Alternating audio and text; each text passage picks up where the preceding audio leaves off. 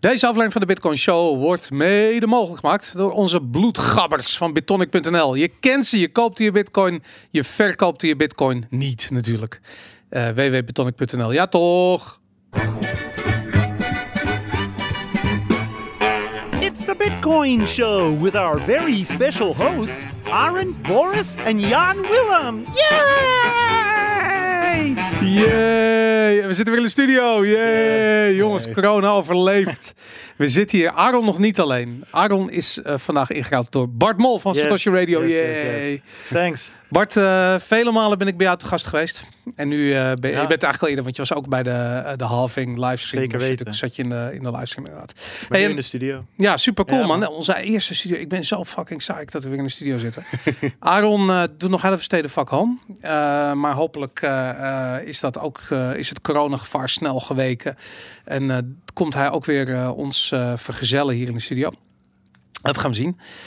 Maar Jan, hoe was het op afstand drie maanden lang content maken? Nou, minder leuk dan in de studio. Ja, hè? Ja, want het is, het is moeilijker op dezelfde manier een gesprek met elkaar te voelen, omdat je elkaar niet echt goed kunt zien. Dat is één. En twee, de kwaliteit van, van de opnames zijn natuurlijk, ja, zijn gewoon, zijn ook gewoon minder qua audio en dat soort dingen. En dat is, ja, het is ook best wel lastig om goed te krijgen. Tenminste, heb ik me laten vertellen door jou. Want uh, ja. ik heb me daar helemaal niet mee bezig gehouden. Want dat is jouw. Uh... Dat is waarom mijn kwaliteit zo slecht was. nou, dan was het waarschijnlijk nog veel slechter geweest. Uh, maar, maar, goed, uiteindelijk ja, werkte dus... het. was leuk. We hebben gelachen. Maar ik, het is gewoon. Het, is, ik bedoel, het blijft een telefoongesprek met iemand in Australië. Dat gevoel, weet je. Nou ja, kijk, je had natuurlijk ook twee maanden lang geen podcast kunnen opnemen. Maar goed, ja, dan waren ja, dat was denk ik helemaal niet leuk geweest. Dus dit was, ja, dit was de oplossing ja. die we hadden. Maar ik ben blij dat we gewoon weer naar de studio uh, kunnen. Nou, en wat we gewoon gezien hebben de afgelopen tijd. Uh, en dan moet ik wel zeggen, ik heb niet heel erg lang geleden nog een uh, aflevering hier gedaan. Met, of een extra aflevering met Willem Middelkoop natuurlijk. En die ging op YouTube, die ging helemaal viral. Die ging, volgens mij zit het nu op, op 40, 50.000 views en listens bij elkaar in ieder geval. Uh, maar die gingen heel hard op YouTube. En, en, dan merk je toch gewoon van ja, beeld uh, is belangrijk. Omdat YouTube steeds belangrijker wordt voor dit soort kanalen. Nou, daar moeten we het sowieso zo meteen ook even over hebben. Bart, uh, ik zie je ja knikken. Want dat is natuurlijk ook iets wat jullie meemaken. Ja. maar laten we het daar zo over hebben. Heel even de huishoudelijke mededelingen. Die zijn namelijk kort maar krachtig. Je kunt ons volgen op www.debitcoinshow.nl. Daar vind je, daar kun je doneren. Dat is eigenlijk wat je daar voornamelijk kunt doen. Doneren. uh, via Lightning, via onze eigen BTP-server die op onze eigen MindNode draait. Uh, weer draait, moet ik zeggen. Want hij is, uh, ik denk, ook gewoon twee maanden lang plat geweest. Ook door een bug en ook door gewoon verwaarlozing. maar nu, nu is dat weer omgekeerd. Maar hij doet het wel weer goed na die update trouwens. Ja, ja, ja. Maar ik heb helemaal geen, ehm, geen crashes meer. Nou, ik vond het interessant, want wij, kregen, wij zaten allebei in een Telegram kanaal wat als feature had dat het je doorgaf wanneer je noodplat was. Ja. Uh, dat is gebouwd door een van onze mods ook. Ja, door uh, Kloek Door Kloek inderdaad. Ja. En uh, die zeiden dat hey, die, die, die, die, die, die Bitcoin Show Lightning Note die is de hele tijd plat. En ik had zoiets van nee man, ik zit er gewoon in, weet ik veel. Ja, ik kom maar één keer in de week, dus ik kan het niet iedere keer checken. en toen zag ik in dat BTP server ook niet meer vooruit te branden was. Ja. Wilde gewoon niet meer, kon niet meer met die Lightning Note, ik weet niet. En dus toen had uh, Kloek volgens mij met uh, benevens naam, de ontwikkelaar van MyNote ja. contact gehad. En die zei van nee, dat kan niet, een heel zeldzaam probleem. Maar jij had het en ik had het. Ja, en nog die, er zijn nog vier, vijf mensen die bij jullie in de groep zitten, ook bij ons in de groep zitten, die allemaal zo'n nood hebben. die precies hetzelfde probleem hadden. Nou ja, die, die bot van Kloek is goed, goed getest in ieder geval. Want ik kreeg denk ik 50 meldingen op een dag op een gegeven ja. moment. En elke keer lag hij er drie minuten uit en dan ging hij weer online. Maar dat is gefixt. Dus, uh, maar ik heb alsnog wel met BTCP-server nog, wel, uh, nog wel her en der wat problemen hoor. Ja, nou, dat, um, als je iets los zit, moet je hem even goed aandraaien, want anders word je gek de hele dag. Ja, als je de bovenkant optilt. Ja, uh, ja, nee, ik, uh, ik, ik, snap wat je zegt. Het is natuurlijk ook een dingetje dat MyNote, uh, het is een beetje een duct tape uh, verhaal, weet je, waarbij je gewoon ja, zes, zeven, wat, wat zeg ik, volgens mij inmiddels elf applicaties op één Raspberry Pi 4 draait. Ja. En als er ergen, het heeft allemaal met elkaar te maken. En zeker als zoiets centraals als LND dan even niet meer lekker werkt, dan eh, zijn er gelijk zes applicaties die ook niet meer kunnen updaten en niet meer een blockchain en weet ik veel. Dus dat, eh, dat is lastig. Ik ga denk ik kijken of ik gewoon op een losse Raspberry Pi nog een BTCP-server eh, kan draaien. Als losse. Want ik, ik hoef eigenlijk al die andere dingen niet per se te hebben. Het was leuk om het uit te proberen. Maar ja, ik wil gewoon dat die donatieknop op de website gewoon werkt. Want dat was vet, weet je. Ja. Dat, dat, was, dat was gaaf. Maar dat werkt helemaal- toch gewoon met MyNote? Dat werkt bij mij ook gewoon met MyNote. Ja, mensen moeten wel vaak twee keer klikken of zo. Of dan krijgen ze weer een failed invoice of dat soort dingen, weet je wel. dat heb ik echt nog nooit gezien. Ja, ik, ik wel. Als ik in mijn invoices kijk, dan is denk ik ja, Ja, 75% dat, snap, dat heb ik ook. Maar dat is omdat mensen het gewoon wegklikken. Die, Ja, die dat openen ook. dat om te kijken of het werkt, dan klikken ze het weer dicht. Maar ik denk eerlijk gezegd dat als je BTP-server goed wil draaien, dan moet je ergens eh, een soort van hosting oplossing hebben waar je ook gewoon HTTPS Ja, eh, eh, kunt activeren. Ja, wat gewoon gewoon cool is. Niet, niet een poort openzetten op je thuisnetwerk. Dat soort gehannes. dat is gewoon, dat, dat, werkt niet echt, heb ik het idee. Nou goed, anyways. op Twitter, het de Bitcoin Show. En wat ben ik nu vergeten nog, Jan? Eh, het Telegram channel. T.me slash de Bitcoin Show. Of die kamer. T.me slash de Bitcoin Show. Ja. Nou, dat waren de huishoudelijke meningen. Of niet, ben ik iets vergeten? Volgens mij heb je alles gehad. eh. Hoe zit het eigenlijk met meetups en dat soort dingen? Oh ja, dat had ik er nog even bij gezet. Ja, nou meer eerder om te zeggen dat we ja, hopen dat die eh, nu, eh, als het nu alles goed gaat de komende weken, dat we misschien weer zowel over BitDevs Amsterdam, zowel als de social media ja. Bij Blast Galaxy kunnen, kunnen nadenken. Gaan we natuurlijk nu niet gelijk 1, 2, 3 plannen. Ja. Eh, ik weet dat eh, sommige mensen al heel snel eh, dingen aan het plannen zijn, zoals bijvoorbeeld op de Dam. Maar wij wachten gewoon nog heel even daarmee. Ik vind het super Om te- efficiënt, hoor, moet ik zeggen. Het is en een protest tegen racisme en een protest tegen de anderhalve meter regel. bijgeloof. Ja, het is, Wat het, gewoon het is bijgeloof is. twee, twee tegelijk. Ja. Maar goed, we, we houden het gewoon de komende weken even in de, in de gaten. Het heeft geen zin om nu, eh, om nu daar haast mee te maken. En eh, TZT willen we dat natuurlijk wel weer Ja. gewoon eh, gaan doen. Overigens is Blast Galaxy vanaf vandaag weer open. Ja. Maar dan hebben ze maximaal 30 bezoekers. Dat is Ja, een of andere Wel allemaal maatregelen. Ook dat mensen niet twee games naast elkaar kunnen spelen en dat soort dingen. Dus Oh ja? ja, ja, ja ze zijn wel vrij strikt. En je moet ook een bepaald eh, eh, rondje lopen. Dus van rechts naar eh, links om, zeg maar. Dat meen je niet. Je moet een rondje lopen. Ja. Dat is Ja. corona. Als corona zich ergens niks van aantrekt, dan het of een beetje rondjes lopen, ja of nee. Nou, maar goed, ik heb zoiets van, kijk, ik, ik, ja, ik, ik moet zeggen, bij mij is de angst wel een klein beetje weg, maar toch heb ik zoiets van, kijk, dat zijn inderdaad, zoals Aaron en, en Bert en zo al vaak hebben gezegd, dat zijn regels die misschien niet zo heel veel kosten om, om na te leven. Dus misschien beter doe je dat nu nog gewoon even, om te kijken hoe alles zich ontwikkelt. Het hangt ervan af wat je met kost bedoelt. Ik denk dat het qua geld, en voor, voordat wij een hele coronadiscussie verzanden. Oh nee, eh, alsjeblieft. maar laten we dat zo, ik doen. maar- je, je hebt kosten, je hebt financiële kosten aan geld, maar je hebt ook kosten in je, je vrijheid en je leven. klopt, en eh, ik vind bijvoorbeeld het dragen van een muilkorf vind ik eh, eh, een hoge eh, kost, vind ik een hoge kost voor mijn vrijheid. Maar ik snap dat het financieel gezien kost het een euro om een, om een kapje te kopen. Ehm, dat het voornamelijk geen enkel effect heeft, omdat ik geen ziekteverschijnselen heb en het ook geen virus van buiten tegenhoudt. De kniesoor die daarop let, weet je. Dus ik heb zoiets van ja, het is mijn vrijheid die ik inlever, omdat een of andere gigantische aap van een gast op de pont me dwingt om de ding op te zetten. dat, eh, sorry, maar dat ik voel me dan minder vrij. Dus ik vind dat een hele hoge prijs om te betalen eh, voor, voor. Ik, snap wat je bedoelt, maar ik kan me wel voorstellen dat, en volgens mij is dat ook wel juist, dat je zegt van oké, we gaan nu wel, omdat we langzaam weer open gaan, in ieder geval Hm. een paar weken nog op deze voet verder, met als Ja. doel wel weer om dat soort maatregelen ook af te schaffen. Want inderdaad, eh, ik, ik, ik ben het ook wel met je, een, een beetje met je eens. Mensen hun bewegingsvrijheid heel erg beperken is ook een soort van verlies van eh, vrijheid. Terwijl het ook niet per se heel veel, eh, heel veel kost. Maar ik kan me wel heel goed voorstellen. en volgens mij is dat ook best. ja, weet je, is dat ook, ook gewoon prima. En dat, dat snap ik ook heel goed. Omdat je in ieder geval in het begin dat langzaam weer opbouwt. Ik bedoel, we hebben nou die lockdown gehad. Mhm.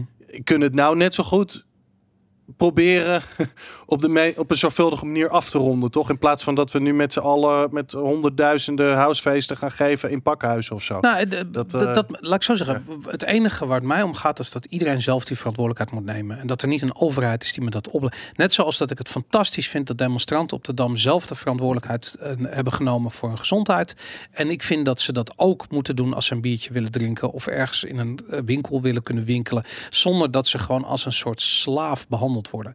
En dat, eh, maar goed, om, om even nog over dat, want ik vind het argument. Ja, van- alleen het probleem naar mij is, is dat hun vrijheid eh, om zelf keuzes te maken heeft ook impact op mijn vrijheid. Want als zij zo direct met z'n allen ziek worden en ons gezondheidssysteem weer belasten, et cetera, dat beperkt ook mijn vrijheid. als, en dat, als, is als, dat is het probleem. Als, als, als, als, Nee, ik snap het. Weet je, en Maar is, voor je het weet eh, zitten we hier klimaatdiscussies te voeren. Het is zo eindeloos ingewikkeld. Nee, ik snap, ik snap het, Boris. Maar er is ook, de, daar is voor wat voor te zeggen voor dat eh, argument. Ik denk dat er ook wat voor te zeggen is dat het misschien, eh, ja, weet je, dat dingen zoals protesten afschaffen en dat soort dingen, weet je, dat had ik in het begin al. Je hebt gewoon mensen, weet je, eh, een samenscholingsverbod van meer dan drie mensen. Ja, weet je, dan heb je wel een van onze basisgrondrechten. het is gewoon een grondwet. Daarom heet het een grondwet. Daar Ja, mag je niet ik. aanzetten. En dan kun je dus afvragen van ja, kan dat eigenlijk wel? Hoe moet je daarmee omgaan? Eh, ik, ik denk niet dat daar één duidig, één heel simpel antwoord op is. Ik denk dat daar afwegingen gemaakt moeten worden. Ik, ik, ik heb daar niet exact het antwoord op. Ik ben het met je eens en ik denk eh, daarom zijn het voornamelijk zaken waar we op terug gaan kijken en analyses kunnen loslaten. Maar al, ja, eh, sorry, ga nou verder. wat ik wou eigenlijk dat als bruggetje gebruiken, ook wat je zei over de prijs die je betaalt daarvoor, naar eh, ons, ons current affairs eh, onderwerpje, waarbij ehm, eh, even heel gechargeerd in Amerika zien we dat in het tweede kwartaal een terugloop van, eh, ehm, eh, van hebben we een eh, GDP terugloop van 52% gezien. Er zijn inmiddels 40 miljoen werkelozen. Dat is 25% van alle mensen die werken in Amerika zijn op dit ogenblik werkeloos en hebben een eh, aanvraag gedaan voor een uitkering. Ehm, en eh, vervolgens, als je het even hebt over de prijs die betaald wordt, hè, ik bedoel, Mhm. wat zie je vervolgens eh, dat nu Amerika in brand staat? Of tenminste, dat idee krijg ik als ik Twitter volg. Massale protesten die uit de hand lopen. En, en ik bedoel, de protesten zijn, zijn volledig te verklaren. Maar de, de woede die mensen voelen over het eh, op het systeem, weet je, onrecht, eh, eh, hoe het ook geïnterpreteerd wordt, ik weet het niet. Maar ik zit hier naar te kijken en ik kan, ik kan een aantal dingen niet loslaten. En ik, ik, ik moet het gewoon vanuit een economisch perspectief bekijken. En dit is, dat is dat je in Amerika een samenleving hebt. eh, en overigens, andere derde wereldlanden eh, zijn niet anders. Maar eh, je hebt een politieforce die bestaat uit, uit mensen die in veel gevallen hun lagere school nog niet hebben afgenomen, hebben afgemaakt. Die komen waarschijnlijk. Dat klopt niet, Boris. Nee, is Nee, je mag niet zonder middelbare schoolopleiding volgens mij in de meeste politieforces in Amerika. Want je doet de politieopleiding maar liefst drie maanden. In Nederland duurt een politieopleiding drie tot vier jaar. Daar drie maanden. En weet je wat het ook nog eens is? Ik geloof iets van, van eh 35% van alle agenten in Amerika hebben een, eh, eh, eh, een, een tour of duty achter de rug in Irak of Afghanistan. Die mensen komen met PTSS terug, krijgen geen werk, hebben geen geld, zijn, zijn psychologisch onder gigantische druk komen staan en gaan vervolgens bij de politie. Een baan die lood fucking zwaar is daar. En eh, weet je, dan krijg je dat rare, eh, eh, die, die, die, fantastische stand-up van Chris Rock, ik weet niet of jullie ooit gezien hebben, waarin hij zegt van er zijn banen waarbij je geen eh, eh, hoe noem je dat, rotte appels kunt veroorloven. Weet je, net als dat eh, Hmm. een vliegtuigmaatschappij zich geen piloten kan veroorloven, waarbij over het algemeen iedereen heel goed is. Weet je, ik bedoel, er mogen geen rotte appels in de, in de cockpit. En bij de politie wil je ook geen rotte appels hebben. Maar de voorwaarden daarvoor zijn alleen maar rotte appels bij wijze van spreken, weet je. Want mensen komen met, met, met trauma's terug uit oorlogsgebieden, worden onderbetaald. En het zijn allemaal symptomen van, eh, van inflatie die plaatsvindt. Weet je, geld Ja, nou maak je een link die ik niet 1, 2, 3 zie. Nou, ik zou je zeggen, de link werd onder andere gemaakt door, eh, door Willem Middelkoop hier eh, in de studio. Ja. Die zei van de volgende stap in, eh, in het afbrokkelen van de dollarhegemonie is eh, een van de tekenen daarvan zijn massale protesten. En fast forward drie, vier weken geleden of vijf weken geleden wanneer die podcast was, we zijn daar. Vijf weken tijd zat er tussen het moment waarop het werd aangekondigd en nu. Maar weet je wat denk ik ook het ding is? Die problemen die je nu ziet overal ter wereld, of het nou corona is of nu eh, met, met die police brutality in eh, Amerika en, en die racisme eh, protesten hier. Het hangt allemaal samen. Het is mega complex. En ja, ik denk dat je, als je er nou gewoon als individu van uitgaat, dat je in ieder geval dat jouw waarheid waarschijnlijk niet de waarheid is, als er überhaupt al een, een universele waarheid is, dan zijn we al zo'n stuk verder. Want ik kan me voorstellen dat er café-eigenaren op de Dam die zoiets hebben van ja, jezus, ik heb drie, ik ben, ben, ben failliet. Eh, weet Ja. je, misschien als we nu open gaan, dan, dan lukt het weer een beetje en zij gaan protesteren. En dat mag dan wel. Ja, en dat mag dan wel. Weet je, ik kan me die boosheid best voorstellen. Aan de andere kant, Jan, wat jij net zegt van joh, hè, er is onze vrijheid afgenomen. Ja, weet je, die mensen die nu staan te protesteren, die protesteren omdat zij voelen Mhm. dat er van hun al jarenlang een vrijheid wordt afgenomen, weet je wel. Dus Ja. Als je het op die manier bekijkt, dan zou je toch gewoon naar elkaar toe kunnen, kunnen komen en zeggen van, nou, ik snap hoe jij je voelt, maar misschien snap ik ook wel hoe jij je voelt, weet je wel. En we hebben misschien niet allebei gelijk, of er is geen gelijk, maar ja, probeer een beetje begrip voor elkaar, eh, elkaar te tonen, denk ik daar dan bij dat soort dingen. En in Amerika, ook daar weer, weet je, dat probleem daar is anders dan hier. Amerika is een compleet ander land. En ik kan me best voorstellen als jouw stimulus check van 1200 dollar op is. En je bent al een maand verder. ehm, en je ziet een winkel openstaan waar jij die MacBook mee kan nemen. Ja, weet je, dat is weer een maand eten. Eh, zo kan je het ook zien. Of het En- is die MacBook die je nooit kon betalen. ja, misschien ook inderdaad in zo'n verrot kapitalistische samenleving. Of in ieder geval waar alles, alles, ge- nou, alles gericht is op wel consumeren. Eh, Ja. en, en, en het liefste daar geld voor lenen om alsnog te kunnen consumeren.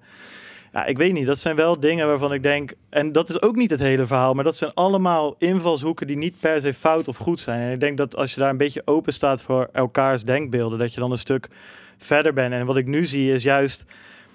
Weet je, iemand van de tegenpartij kiest een standpunt. En dan is het bijna, oké, nu is dat standpunt bezet. Dus nu ga ik andere standpunten kiezen. Ik zie nu eh, linkse mensen tussen aanhalingstekens artikelen delen dat anderhalve meter samenleving dat dat niet werkt. En dat er onderzoeken zijn dat buiten het niet verspreidt. Terwijl ze twee weken geleden toen, ik zeg maar wat, een Cherry Baudet die shit deelde...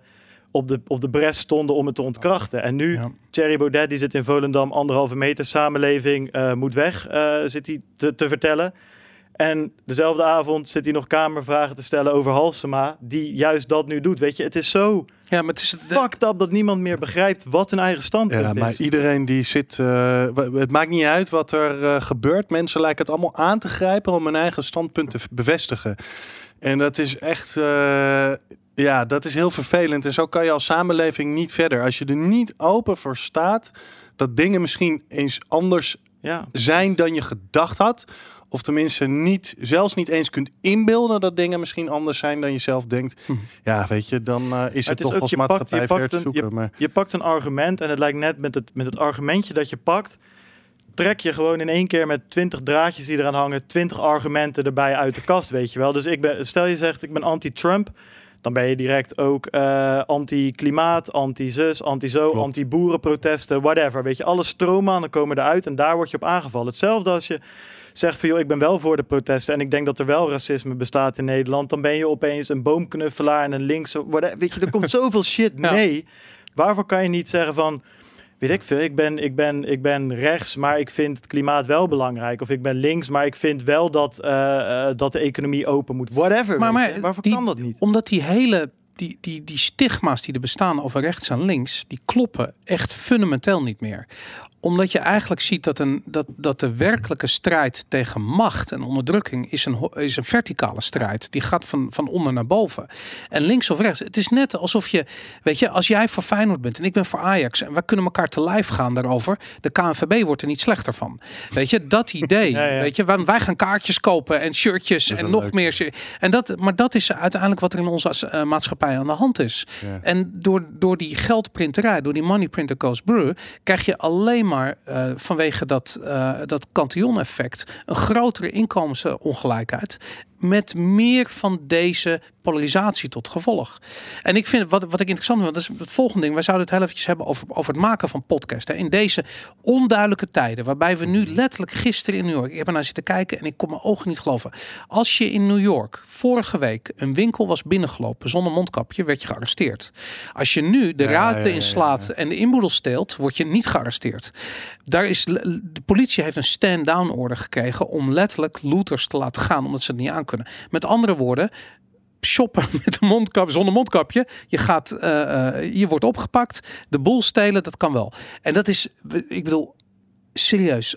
Alles wat, wat, wat, alles lijkt wel ondersteboven. Het is, Ja, we leven echt in de upside down. Maar het is die 1984 de- shit, weet je. de- Freedom is, is slavery en die shit. Ik vind wel dat, ehm, ja, weet je, mensen zien dat gelijk. Dat, dat probeerde ik ook al in de, cha- de chat eh, te, te doen. En eh, mensen vergeleken mij met de Irakse informatieminister. Te pro ik probeerde die protesten te relativeren. Mhm. Weet je, mensen hebben het over, eh, ik weet niet van wat allemaal, einde van Amerika. Ja, wat, wat, hoe dan? Op welke, op welke manier? Dus ja, deze protesten zijn eh, behoorlijk groot. Hou je er wel rekening mee. Ik heb een hele hoop familie en vrienden in Amerika, dus ik krijg ook een beeld first hand. Mhm. In 99% van Amerika merk je niet eens dat er iets aan de hand is. Absoluut, snap ik. Dus dit zijn protesten in grote steden in bepaalde downtown, downtown areas. Vreemd genoeg democratische gebieden veel. Va- veel democratische gebieden. Dus dat is, dat is punt één. Het tweede punt is... ehm, dit soort protesten... En, en daarbij ook dus die rioting... Mhm. ehm, dit is niet de eerste keer dat je dat ziet. Ik bedoel, je zag dit in je begin jaren negentig... Tegen 92, Met- de LA Riot. Met Ro- Rodney, Rodney King. King, ja. en dat was, dat was echt heel, dat was echt heel groot. Denk je dat dit niet... Ik denk niet dat dit ik denk dat er, voor ik denk- dat. ik denk dat er hier meer incidenten zijn, maar LA toen de tijd op dat moment was groter, denk ik, dan ieder incident hier nu. Maar dat is mijn Ja. indruk. Ik weet niet zeker of dat waar is. Nou, dan heb je nog in de jaren 60 en 70 heb je natuurlijk alle universiteitsprotesten en Mhm. doden die erbij zijn gevallen. En, en nou ja, noem maar op. Je hebt natuurlijk in 2008 ook de Occupy Wall Street protest. Daar is ook een hele hoop gebeurd. Ik, daarmee wil ik niet zeggen dat het niet niks is, maar dit is ook als je zo'n groot land hebt, i- het, is toch een onderdeel. Als wij nagaan wat er allemaal in Europa gebeurt door de jaren heen. Kijk, we hebben nu ook een jaar lang in Frankrijk, of misschien Is, nog langer, in mijn ogen hesjes- exact hetzelfde. gele hesjes gehad. eh, waar, waar ook, ik weet ook niet, protest tegen ook een hele hoop vernieling is geweest en dat soort, eh, en dat soort dingen. En daarbij eh, weet, denk ik ook dat het belangrijk is om te zeggen: kijk, we kunnen het nu, ja, daar had je het net over, over die looters, over het is het product van het kapitalisme of juist niet. Maar ja. Sorry, maar mensen die, ik wil daar die, niet zo die, bedrijven in, in de fik steken. En kijk, we moeten gewoon ook accepteren dat sommige, sommige mensen dingen doen omdat het gewoon eikels zijn en niet omdat het een product is van Ja, een ja. systeem. De mensen die nu, zeg maar, weet je, eigenaren van bedrijven, van kleine bedrijven in elkaar aan het slaan zijn, winkels aan het afbranden zijn, dat zijn gewoon eikels. Ja, sorry, die zijn er ook gewoon. En dan kunnen we doen alsof het een product is van kapitalisme of een product is van het juist het George feit dat het minimumloon niet hoog genoeg is of wat dan ook. Ja, maar het maakt niet uit welk systeem je hebt. Of je nou communisme hebt of kapitalisme of wat dan ook. Je gaat altijd mensen hebben die niet helemaal sporen en die Nou, ik weet niet, sorry, maar ik zou, ik zou het niet zo willen afdoen, maar ik snap wat je bedoelt. En ik, wa- wat het zo ingewikkeld maakt, Mhm. eh, en dat is denk ik ook waar we het even als, als podcastmakers over moeten hebben. Ehm, misschien ook met als aanleiding dat eh, Twitter een eh, tweet van Trump eh, heeft aangemerkt als zijn aanstootgevend, want dat zou oproepen tot geweld. Dat was die tweet waarin hij zei: When the looting starts, the shooting starts, zoiets wat een nog een soort historische context heeft, omdat het eerder ergens werd gezegd in relatie met racisme, zo werd het opgevat, ik weet het niet. Ehm, eh, en daarmee begeeft Twitter zich op het aalgladde vlak van de waarheid. En dat is interessant, want zij roepen Hmm. zich nu uit tot fact-checkers. Nou, we hebben al gezien eh, met corona dat eh, best wel prominente wetenschappers de mond wordt gesnoerd. Die worden echt monddood gemaakt op sociale media, omdat hun boodschap niet strookt met de, ja, wat de, wil, De WHO. WHO ja, je had die aankondiging op YouTube toen van.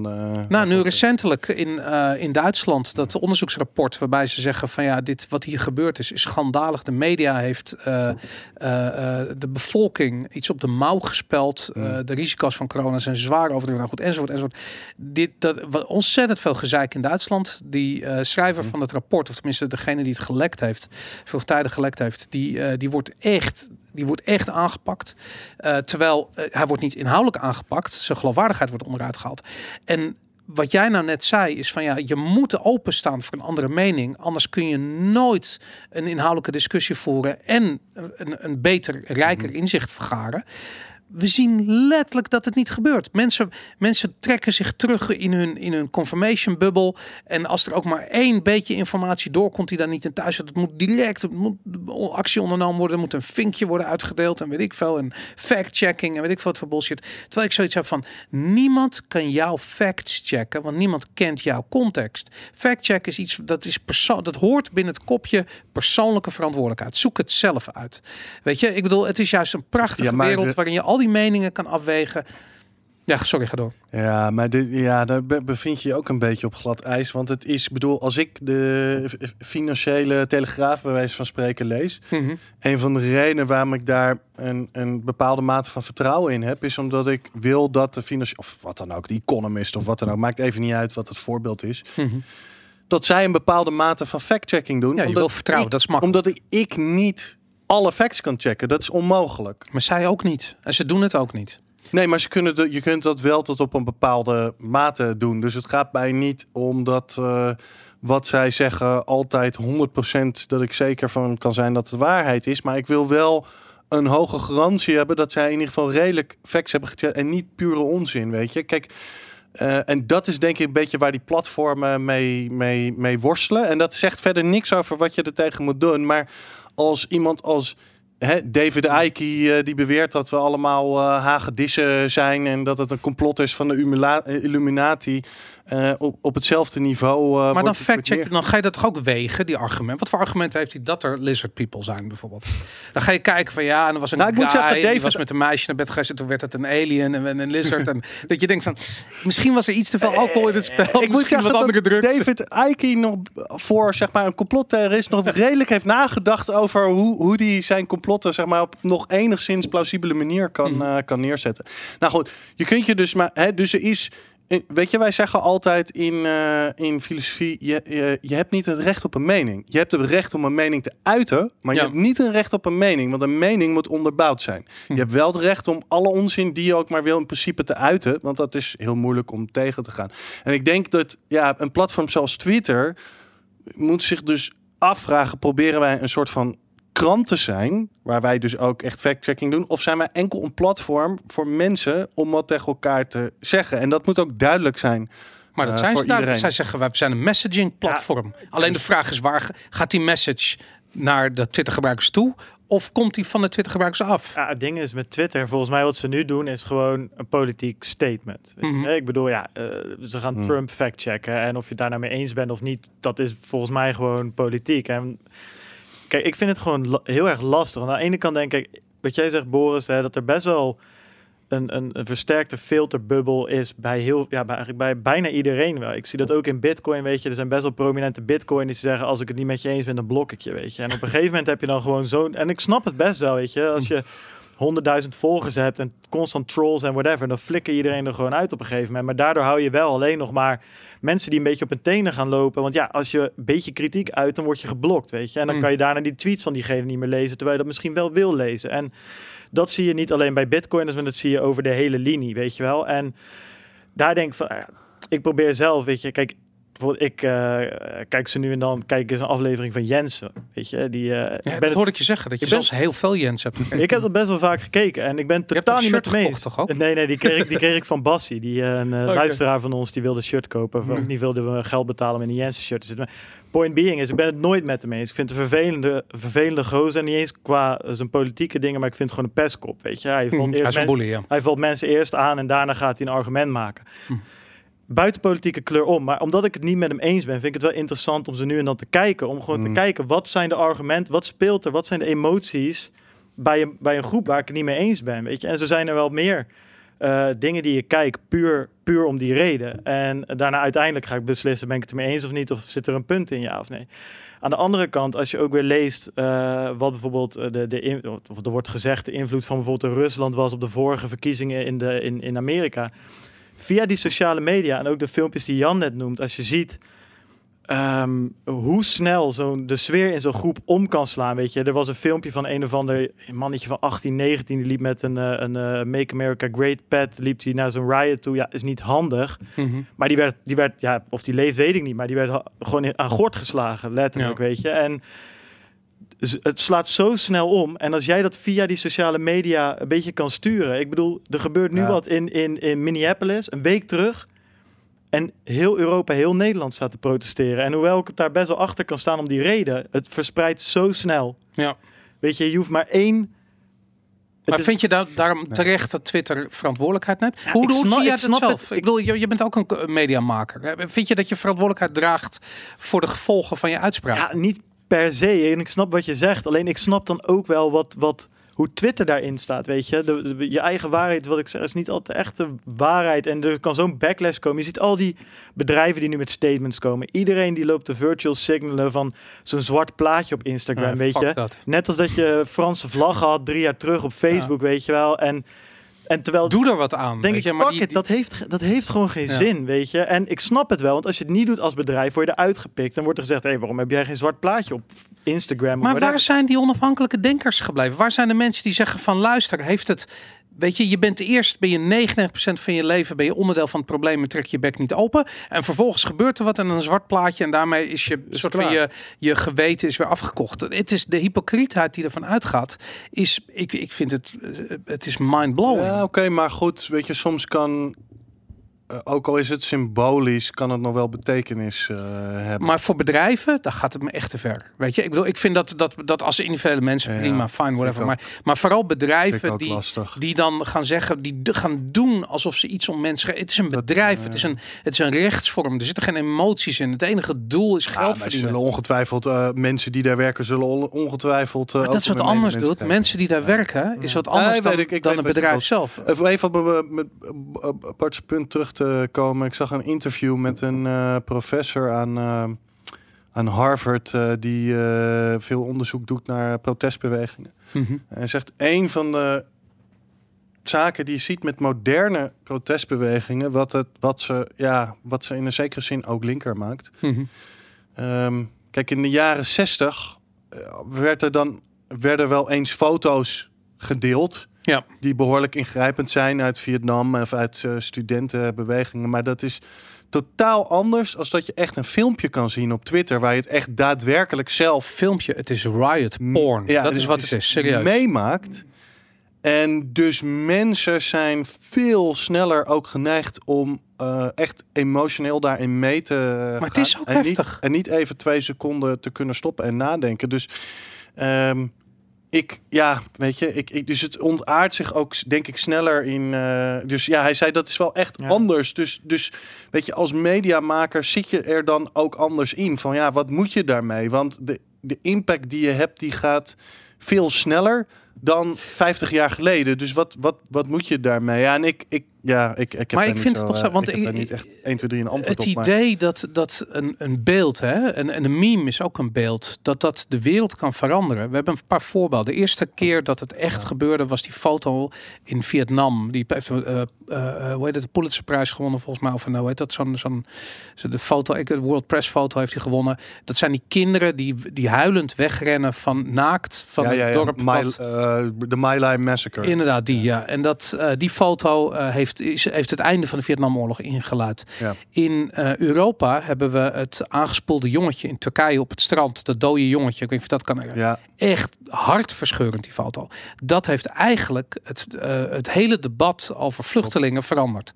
En eh, ik weet niet of jullie het gezien hebben, maar die acht minuten video waarin dus George Floyd vermoord wordt door die agent, dat is serieus, dat is in beeld gebracht. Het lijkt fucking wel Hollywood. Het is met de telefoon gefilmd, maar het is zo gruwelijk dichtbij. Het is zo Mm. gedetailleerd. Weet je wat het ook is met dit filmpje? Want ik zat net, weet je wat Jan zei, al die filmpjes die gedeeld worden. Ik zat te denken, eigenlijk mist er altijd één ding en dat is context. Want Ja. ze worden altijd, weet je, het gaat fout en dan wordt er gefilmd, weet je wel. Dus je weet nooit wat er, voor, wat er daarvoor gebeurd is. En dat kan in het voordeel van politie spreken, dat kan in het nadeel van politie spreken. Anyway, er mist gewoon context. En wat je nu hier hebt, Mhm. zeker met eh, nu volgens mij de New York Times had ook alle beveiligingsbeelden, 911 calls, de hele mikmak aan elkaar geplakt, timeline gemaakt.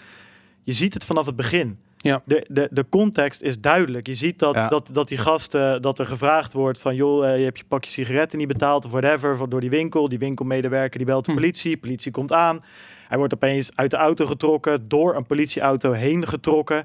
En daarna zie je gewoon dat er iemand vijf, zes minuten met die knie in zijn nek zit, totdat die, totdat die man dood of, of eh, eh, eh, half dood, whatever is. Weet je, de, Ja. de context is duidelijk hier. En, maar dat mist wel heel vaak. En dat Maar de context is meer dan dat. Want eh, kijk, er- wordt nu gezegd van het is racisme. Hè? En eh, er is het rare verhaal dat zowel George Floyd als die Chauvin die hem vermoord heeft, die werkten samen in een nachtclub. Voor hetzelfde geld. eh, eh, Is dat zo? Ja, ja, ja. Maar is, is dat geverifieerd? Ja, dat is bizar. Gewoon. Zij zouden elkaar moeten kunnen kennen. Het is wel een grote nachtclub en misschien waren ze niet de beste vrienden, maar ze waren collega's daar. En eh, voor hetzelfde geld blijkt er straks iets te zijn dat eh, George Floyd de vriendin van Juist, die guy ja, heeft. ja, Weet ik het, weet je. Ik bedoel, maar context kan veranderen. Hetzelfde bijvoorbeeld dat de geruchten gaan dat die, en ik weet het niet, want het wordt niet eh, officieel bevestigd, dat die, die agent, die, die, die, die, die Chauvin, dat die al dit, dit als een vierde eh, eh, slachtoffer is die hij heeft gemaakt terwijl hij bij de politie zit. Dus hij heeft al drie shootings gehad en eh, waarbij mensen om het leven zijn gekomen. Waarbij zijn iets van 18 of 15 klachten al officieel tegen hem ingediend vanwege police brutality. En nu dit, weet je. Dus het is, dat is ook context die je Ja. niet direct meekrijgt, maar ja. Nou goed, laten we wel even. Kijk, laten we het wel even in, eh, in, in- Want dat ben ik met je eens. Kijk, dit kan natuurlijk ook gewoon een van de doorgeslagen agent zijn. Die. eh, Mhm. weet je, het had een, een blanke persoon kunnen zijn. Het had een zwangere vrouw kunnen zijn. Het had, het had misschien. eh, het, het- het- niet per se omdat deze man nou toevallig een donkere huidskleur had. Maar het is natuurlijk wel zo. Hij is dat- symbool natuurlijk. Ja, het is Hm. natuurlijk wel zo. eh, kijk, de statistieken liegen er niet om. Ja. Eh, het is inderdaad zo dat eh, bepaalde sociale klassen, bepaalde. Naar rato, etnische- hè? want er zijn Ja, altijd meer blanken die Het- door politiekogels sneuvelen. Tuurlijk, etnische, etnische groepen meer een target lijkt te zijn van de politie. Zelfs als je in acht neemt, hè, kijk, eh, mannen zijn ook veel meer een target van politie dan vrouwen, maar dat komt omdat vrouwen veel minder criminaliteit plegen. Ja. Maar zelfs als je die verschillen onder die groepen in acht neemt, dan nog zijn die verschillen niet volledig te verklaren. Dus eh, de, Ne- de Amerikaanse politie heeft eh, wel degelijk sowieso in het algemeen even rasonafhankelijk Mhm. een probleem met het feit dat veel te veel gemilitariseerd is. Dus dat Ja. is probleem.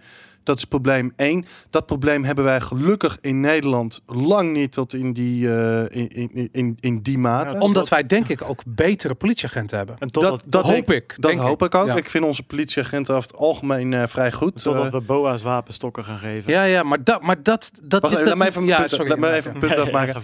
Ehm, dus dat is het eh, eerst. eh, dus dat is het eerste probleem. En het tweede is, ge- er zijn eh, ook onder Amerikaanse politie wordt wel actief gedaan om meer divers, divers, diversiteit onder, eh, onder die politiemachten te hebben en dat soort zaken. Maar dan neemt niet weg dat er ook nog steeds een onderliggende toon van Mhm. racisme is. En het feit dat je dat combineert met, hè, want misschien, eh, dat zal ongetwijfeld tot een bepaalde mate in de Nederlandse politie ook, ook een rol spelen. Maar het feit dat je het combineert met een politie die heel erg gemilita- gemilitariseerd is, Mhm. uitziet zich dat in heel erg veel geweld. Dus of dit toevallig het geval was, ook met eh, George Floyd, dat weet ik niet. Dat gaan we onderzoeken. Maar het neemt niet weg dat er wel eh, degelijk deze problemen wel degelijk niet eh, helemaal. Weet je, het is. Nee, ze hebben die, een zijn er probleem. wel degelijk, die zijn er wel degelijk. Ik hoop dat dit zich nu gaat. Kijk, 30 jaar geleden. Weet je, mensen denken. eh, laat ik het zo zeggen. Ik heb zelf lang in Amerika gewoond. Mhm. Eh, ik, ik, ik heb veel familie. Ik, in Texas gewoond. ik heb in Texas zelfs gewoond. Nou, Texas is nog veel beter. Mhm. Ehm, en ik moet zeggen, de, op heel veel plekken in Amerika, maar het hangt er vanaf waar je bent. Dus Mhm. in bijvoorbeeld New Orleans. Ja. eh, kan ik me eens herinneren als Mhm. klein kind dat er, eh, dat er behoorlijk veel racisme was, maar echte racisme. Mhm. Terwijl juist in, in Texas, eh, ik daar, dat, dat je dat echt, nou, dat, dat was niet echt aan de orde van de dag. En ik zeg dit nu als, ja, als blanke, dus misschien, hè, maar goed. Voelt dus zich misschien vaak iemand, schuldig te voelen. Nee, hem niet schuldig te voelen, maar misschien dat iemand hè, eh, met, Uh-huh. die, met, van een andere etniciteit dat misschien anders zou ervaren. Hoewel ik wel een hele hoop vrienden heb van andere etniciteiten daar. Ehm, maar goed, daar, daar, daar, merkte je dat, eh, daar merkte je dat veel minder. En vaak als je iets racistisch zag op school of zo, was het Mm. vaak meer om iemand pijn te doen. Eerder dan iemand dat echt oprecht meende vanuit een standpunt van racisme. Want dat is ook nog zo, hè, dat mensen, kijk, mensen gaan zoeken naar dingen die mensen echt pijn doen. Dus dat speelt, eh, dat speelt ook nog mee. En sowieso denk ik wel dat die eh rassenrelaties, eh, ja, dat, is- dat, zeg, ik- dat is een, eh, naar woord, laat ik het niet zo zeggen. Maar de relaties tussen eh, verschillende bevolkingsgroepen, naar mijn idee, zeker in de laatste 60 jaar, een enorme vooruitgang hebben gemaakt. Zelfs in de laatste 30 jaar een enorme Mhm. vooruitgang hebben gemaakt eh, in, in Amerika. Ehm, daarmee wil het niet het probleem eh, eh, wegnemen. Maar ja, ik hoop. Het is echt heel naar wat er is gebeurd. Maar ik hoop nu dat dit incident. Op het punt waar Amerika nu is. misschien wel echt aangegrepen kan worden. om ingrijpende veranderingen te maken. Dat, daar, ja, daar hoop je dan op. Of dat echt zo is, dat, eh, dat, weet, ik, eh, dat weet ik niet. Maar goed. Ja, ik, ik, heb, ik, ben veel in Amerika geweest. Ik heb er ook wel wat ervaring mee. En, en ik, ik heb het idee dat Amerikanen gewoon mafkezen zijn. Dat is een beetje, en dat is een ontzettend vooroordeel. Eh, maar er, zit daar iets in die samenleving die, waarvan ik zoiets heb van ja, dat, dat is zo ontzettend raar, scheef gegroeid. En Maar Nederlanders zijn in bepaalde opzichten toch ook mafkezen. ja, maar ik zie dat niet. Als ik tegen een Amerikaan vertel Hm, ja, wat er, wat er gebeurt bij wedstrijden van FC Utrecht en FC, eh, eh, Ja, en ja. FC of eh, Ajax, dan zitten ze ook aan te kijken hoe kan je dat voorstellen? Dat kunnen ze helemaal niet voorstellen. maar ik zie dat dus niet. Want het Omdat is niet dat een- is moeilijk om je in je eigen shit te zien op een gegeven moment. Weet je dat. eh, ja. Maar, maar goed, eh, ehm, eh, eh, om nog even om dat daar een draad te geven. Ik vind dat het toffe aan Bitcoin. Dat door Bitcoin heb ik het idee dat eh, eh, Bitcoin zijn een groep. Dat zijn een groep. eh, laat ik zo, de Bitcoiners. Dat is de hardcore Bitcoiners is een groep, een internationale groep mensen van allerlei verschillende landen, van allerlei soorten verschillende achtergronden, die dat allemaal overstijgen om met elkaar samen te komen in Bitcoin. En dat vind ik ontzettend tof. En dat is iets wat ik bijvoorbeeld in andere onderwerpen of hobby's die ik heb of dingen die ik tof vind, zie ik dat niet op die manier. Weet je, in Bitcoin overstijgt dat echt, omdat iedereen bezig is om, om samen te leren wat het is, iets wat zich nog aan het ontwikkelen is. En dat vind ik heel tof. Maar nog heel eventjes over dat, dat, dat, dat podcast maken, want dat, dat is toch, toch een beetje het, het ding. Ik bedoel, we zien eh, censuur van YouTube, we zien nu censuur of fact-checking, hoe je het ook wil noemen, van Twitter. Eh, Facebook eh, heeft zich is, is er nu in de ring gestapt. Ehm, als contentmaker, waar, wat zie jij, eh, Bart, als jouw, ehm, als jouw, als jouw, als jouw rol? Hoe, hoe sta je hierin? Wat zijn je voorbeelden? Hoe, hoe, ga je hiermee om? Ja. ja, dat is een goede vraag. Ik, eh, ik, weet je, ik heb wel dat ik. ehm, ja, aan de ene kant denk ik dat het soms goed is om ergens een hard standpunt in te nemen of zo. Alleen merk ook weer dat dat dan kan best wel hard terugkomen. En dan vind ik wel dat je dan, denk dat dat belangrijk is, niet te groot moet voelen om dan te zeggen, oké, ja, weet je, had ik fout gezien en Ja. eh, whatever. Ik heb acht jaar geleden. eh, ik, zal, ik, zal, ik zit meteen aan een voorbeeld te denken. Ik zag allemaal foto's van Georgina Verbaan langskomen eh, als Zwarte Piet van tien jaar terug. Terwijl ze Mm. nu ze heel erg anti is. Ja, weet je, mensen, mensen verbeteren zichzelf, weet je. Dat is Mhm. alleen maar goed, juichen toe.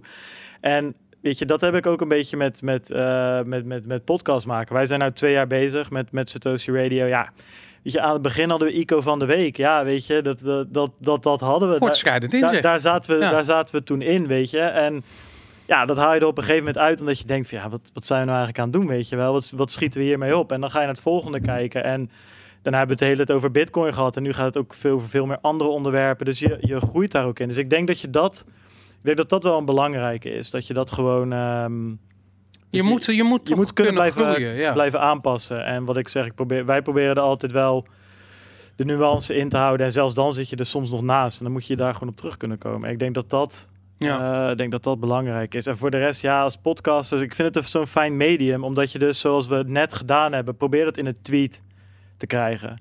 Ja. Probeer je, je Twitter draadje of whatever hoe het genoemd wordt, be- probeer het te beginnen met, ehm, weet je hoe je het al begint? Als je zegt van ik keur, de, ik keur de, eh, de demonstratie af en dan kom je met een heel daaronder een heel genuanceerd corona verhaal. Mhm. Ja, eh, dan weet je al dat je de helft tegen je hebt die daar stonden te demonstreren en daarvoor Ja. zijn.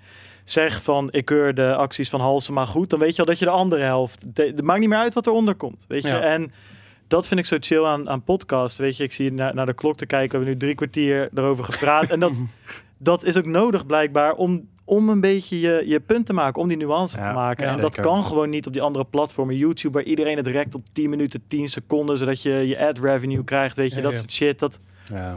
Dat, ja, dat, dat- ik, ik denk dat de complexe samenleving waar we in leven heel goed te duiden is in die podcast. En dat je daar de ruimte krijgt. En mensen luisteren die podcast ook af. En dan zie je ook weer dat daar mensen... Een tijdje terug had je natuurlijk die, ehm die gozer van Quote. Die Ja. had iets over Jolante gezegd of whatever. En dan wordt dat stukje eruit geknipt. En als één minuut van een uur durend podcast overal gepost. Weet je. En dan Ja. denk ik, daar gaan we weer. Dat is weer dingen zonder context neerzetten. En whatever je er voor de rest van vindt. Ja. En ehm, ja, ik denk dat dat ehm, het chillen van podcast is. En dat ook onze rol daarin is. En Ja. ehm, ik ben wel benieuwd hoe we dat... Weet je, jullie hebben bijna een jaar erop zitten. Wij hebben er twee jaar op zitten. Ik merk ook wel van, oké... hoe gaan we die podcast verder brengen, weet je? Eh, we hebben het elke week over bitcoin. We hebben het elke week over adoptie. En ja, weet je, natuurlijk, we, we, we brengen soms... of we geven Simon een podium. Of, of Mhm. hè, we tweeten Mhm. of een retweet is een Kamerlid of whatever. Maar hoe gaan we dat echt verder brengen? En is dat, is dat wel onze rol, weet je? Of is het gewoon om het te verslaan en een mening te geven? ja, dat is zo. Jan, wat vind jij? Heb jij daar ideeën over? Nou, ik ben het eigenlijk wel grotendeels eh, met een hele hoop wat je zei eh, eens. Eh, dus ik, ik heb best wel veel media hiervoor gedaan. Maar dat zijn altijd shorte, korte, korte Ja, ja. stukjes. En dit is, ja, daar kun je niet heel veel in kwijt. Ik denk wel tegelijkertijd, ja, bij dit soort podcast format, zeker omdat het ook niet allemaal ingestudeerd en standaard antwoorden zijn, ben je gewoon meer geneigd om soms iets te zeggen wat niet klopt. Of Ja. dat je iets niet weet of eh, wat, dan, eh, wat, dan, wat dan ook. Dus het maakt het wel een ander soort eh, format. Dus ja, ik denk dat het onze rol is, tenminste zo hebben wij het opgezet. Wij proberen eh, nieuwsitems eh, over, over bitcoin eh, te behandelen. Wij proberen daar een bepaalde mate van onderzoek aan te doen. Dat we niet complete onzin aan het vertellen zijn. Maar mensen moeten daar zelf op verder gaan. Kijk, wat wij zeggen is, kan niet de he- gehele waarheid zijn. En wij kunnen ook niet alles weten. We gaan het zo direct over coinswaps hebben. Ja. Ja, nou ja, goed. Ik zal erover delen wat ik er wat ik erover kan, kan, kan vertellen. Maar dat is ook niet het complete verhaal. En daar kunnen we op een gegeven moment weer op terugkomen. Ehm, ja, dus dat, dat, is, dat is denk ik onze rol. We kunnen ook wel eh, standpunten innemen. Maar we hoeven ook niet over alles. En zeker ik doe dat niet. Over alles een eh, heel hard standpunt. Kijk, sommige dingen wel. Ik ben. Ja, ik, ik, ik ben. eh, niet heel erg enthousiast over altcoins, laten we het zo maar zeggen. Of over ICO's. Mhm. Ik schrijf het misschien niet helemaal af, maar goed, daar heb ik dan wel een duidelijk standpunt in. Maar ja, over een hele hoop dingen heb ik zelf ook Ja. minder. En ben ik gewoon aan het delen wat wij daarover aan het leren zijn en over wat wij tegen, wat wij Ja. tegen kunnen komen. Ja, Ja. nou, ik, misschien- ik heb die fout wel gemaakt. Ik, ik, ik, heb, ik heb een jaar lang over fucking shitcoins eh, een podcast gemaakt bij BNR. Eh, en eh, op een gegeven moment was ik dat zo kotsmisselijk dat ik zoiets had van ja, dit moet stoppen. En Ja, maar, ik- dat is wat Bart zegt. Dat ja, maar is dat een, inzicht. ja, een fout? Eh, ik, ik, ja, ik denk dat je... Achteraf gezien is dat een fout geweest, omdat ik niet snapte wat digitale schaarste was. Pas Ja. toen dat muntje viel, had ik zoiets van deze onzin, hier moet ik geen tijd mee insteken. Ik, ik denk dat je altijd, als je standpunten inneemt of wat dan ook, bescheiden moet zijn eh, en, en, en moet erkennen, eh, eh, je eigen epistemische Ja. li- limieten, zeg maar, moet erkennen, altijd, ongeacht waar het ook over gaat. En soms mag je wel een heel duidelijk standpunt misschien innemen, maar vaak, Maar vaak niet. Maar, maar zoals bijvoorbeeld over altcoins, ik bedoel, ik heb ook... een van de mensen, want ik krijg, je krijgt nog, ik krijg heel vaak die vraag van, eh, en ook vaak soms zie ik wel eens op YouTube commentaar dat mensen zo irriteren aan het feit dat we zo tegen altcoins zijn. Ik heb ook aan altcoins gewerkt op een gegeven moment, omdat ik ook weet je, dezelfde soort redeneringen eh, had. En sterker nog, toen de tijd mensen die ja, bij mij toen zeiden, het, eh, het, het gaat eigenlijk alleen maar om bitcoin en eh, je zit in een soort van eh, shitcoins. Die, irriteerden mij. Dus bitcoiners irriteerden mij op een Ja. gegeven moment ook. Totdat ik op een gegeven moment nadacht, bij mezelf tot inzicht kwam. Wacht even, misschien, dit is wel heel erg pijnlijk, maar misschien hebben een hele hoop van die mensen die mij nu proberen dingen te vertellen. Eh, nou ja, goed, ik kan een hele lijst aan mensen opnoemen. Er zitten Hm. ook eh, mensen onder eh, trouwens van, onze, van onze sponsor. Dat ik bij mezelf dacht van, wacht even, ik, ik, ik, ik zie iets niet helemaal, ik zie iets niet helemaal goed. Ja. Maar goed, dus ja, weet je. Dat betekent Ja, dat je nu des te harder moet schreeuwen dat altcoins shitcoins Nou, ik weet, ik, kijk, het hangt een beetje vanaf waarom. Om het goed te maken. ik zeg Je dat omdat ik, karma een- weer nodig. ik zeg dat, ik zeg dat om een duidelijk, eh, nou, weet je, maar toen de tijd, ik ben nooit zo heel eh, eenzijdig, dus het was niet toen de tijd dat ik zei dat eh, Bitcoin allemaal onzin is en dit wordt de toekomst en zo. Dat was nou ook niet helemaal waar. Mhm. Ehm, maar ja, wat wou ik nou eigenlijk zeggen? Nou ben ik even de draad. Je was het nu al zo lang- effect Het is hier het, warm. eh, eh, het is hier warm. eh, ja, Boris, ik, eh. voor de corona. Hè, ja, dat het het, is, niet eh, meer... nee, maar goed. het. Het- ik heb nog wel misschien, misschien als we het Hm. hebben over van hè, hoe, hoe brengen we dit verder. En ik zat opeens te denken, vroeger toen ik als, als, als klein mannetje eh, las ik de Power Limited. Weet Oh, je wel? En daar ging Oh, het natuurlijk, weet je, jij met je, met je maten en later met, met, met Game Kings. Weet je, dat was ook, gaming was niet groter dan film en, en tv, weet je. En dat Mhm. is het nu wel. Het is een fucking miljardenbusiness waar meer omgaat dan, dan films. Dus Mhm. dat is ook een soort van, uit een soort van nerd niche hoek, een enorm ding geworden. En jullie zijn daar de hele tijd bij geweest. En ik weet nog, aan het begin was het ook zo. Ja, het was ook altijd bijna ook een bijna activistische boosheid als de media weer zei van dat games zo. eh, dat ging vooral over games en gewelddadigheid. Was toen. Ja, toen, toen Lijkt heel erg op bitcoin, toch? Precies, was toen heel erg Ja. een ding, weet je wel. Zeker met, weet je, toen GTA 3D werd en je hoeren neer kon mappen en zo. Dat was echt, echt een, een ding toen. En dat wat... En de- misschien kan je daar vertellen of daar een parallel, of je daar parallellen ziet van... Hebben jullie met Game Kings en met Power Limited in het begin alleen maar verslag gedaan? Of hebben jullie daar meer gedaan? Nee, nee, En zijn er ook Ja. Parallellen te trekken van... die kunnen we ook als media eh, partijen doen bij Bitcoin? Dude, het is exact hetzelfde. Het is, wij zijn op een gegeven moment letterlijk... ehm, kijk, bij GameKings werden we vaak gebeld... eh, door eh, nieuwsprogramma's, door televisie, eh, werden we als gasten gevraagd. En dan, ik weet vooral Jeroen Dijsselbloem, die had op een gegeven moment was hij op een soort moralistisch paard gaan zitten en had hij zoiets van ik trek ten strijde tegen videogames. En toen kwam hij erachter dat de PvdA doelgroep toch wel echt wel gamers en jong waren. en toen heeft hij dat helemaal laten vallen ook in dat onderwerp.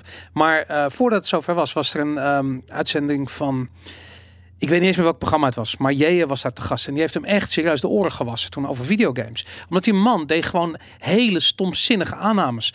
En exact hetzelfde zie je nu terug eh, in Bitcoin. Daar gebeurt hetzelfde. En wat wij toen hadden, wij hadden echt zoiets van: wij zijn gamers. Eh, wij, eh, het is onze taak, en we zijn mediamakers. Het is onze taak om in de media juist een beeld te laten zien dat gaming niet alleen maar slecht is. Niet omdat we betaald worden door de games daarvoor. Nee, in tegendeel, omdat we zelf het product zijn van een, een jeugd opgroeien met videogames. Ik bedoel, ik snapte Bitcoin relatief gezien snel, omdat ik een gamer ben. Uh, gaming leert je zoveel, maar als ik naar de media kijk, dan was het alleen maar ja, geweld in games leidt tot geweld op straat.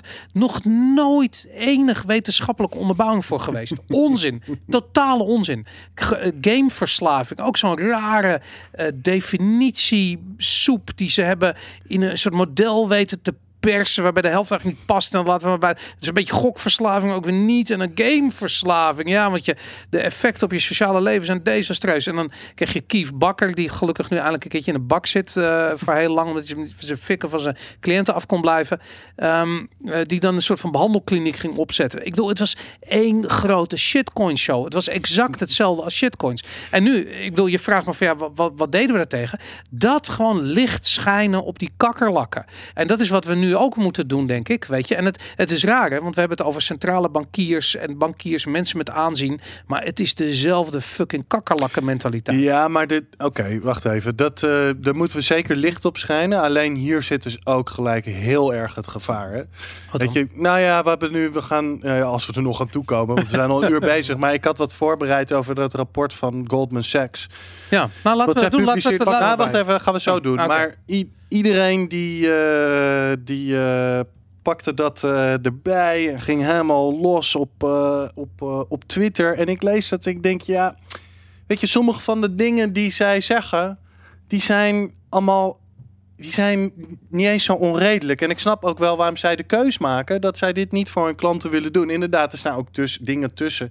Maar het gevaar is gewoon dat, en, en ik zie dat continu met een hele hoop mensen, omdat je als bitcoiner vrij snel aangevallen wordt, dat iedereen gelijk bam boos gaat terugreageren als er ook maar iets gezegd wordt wat niet in een straatje ligt.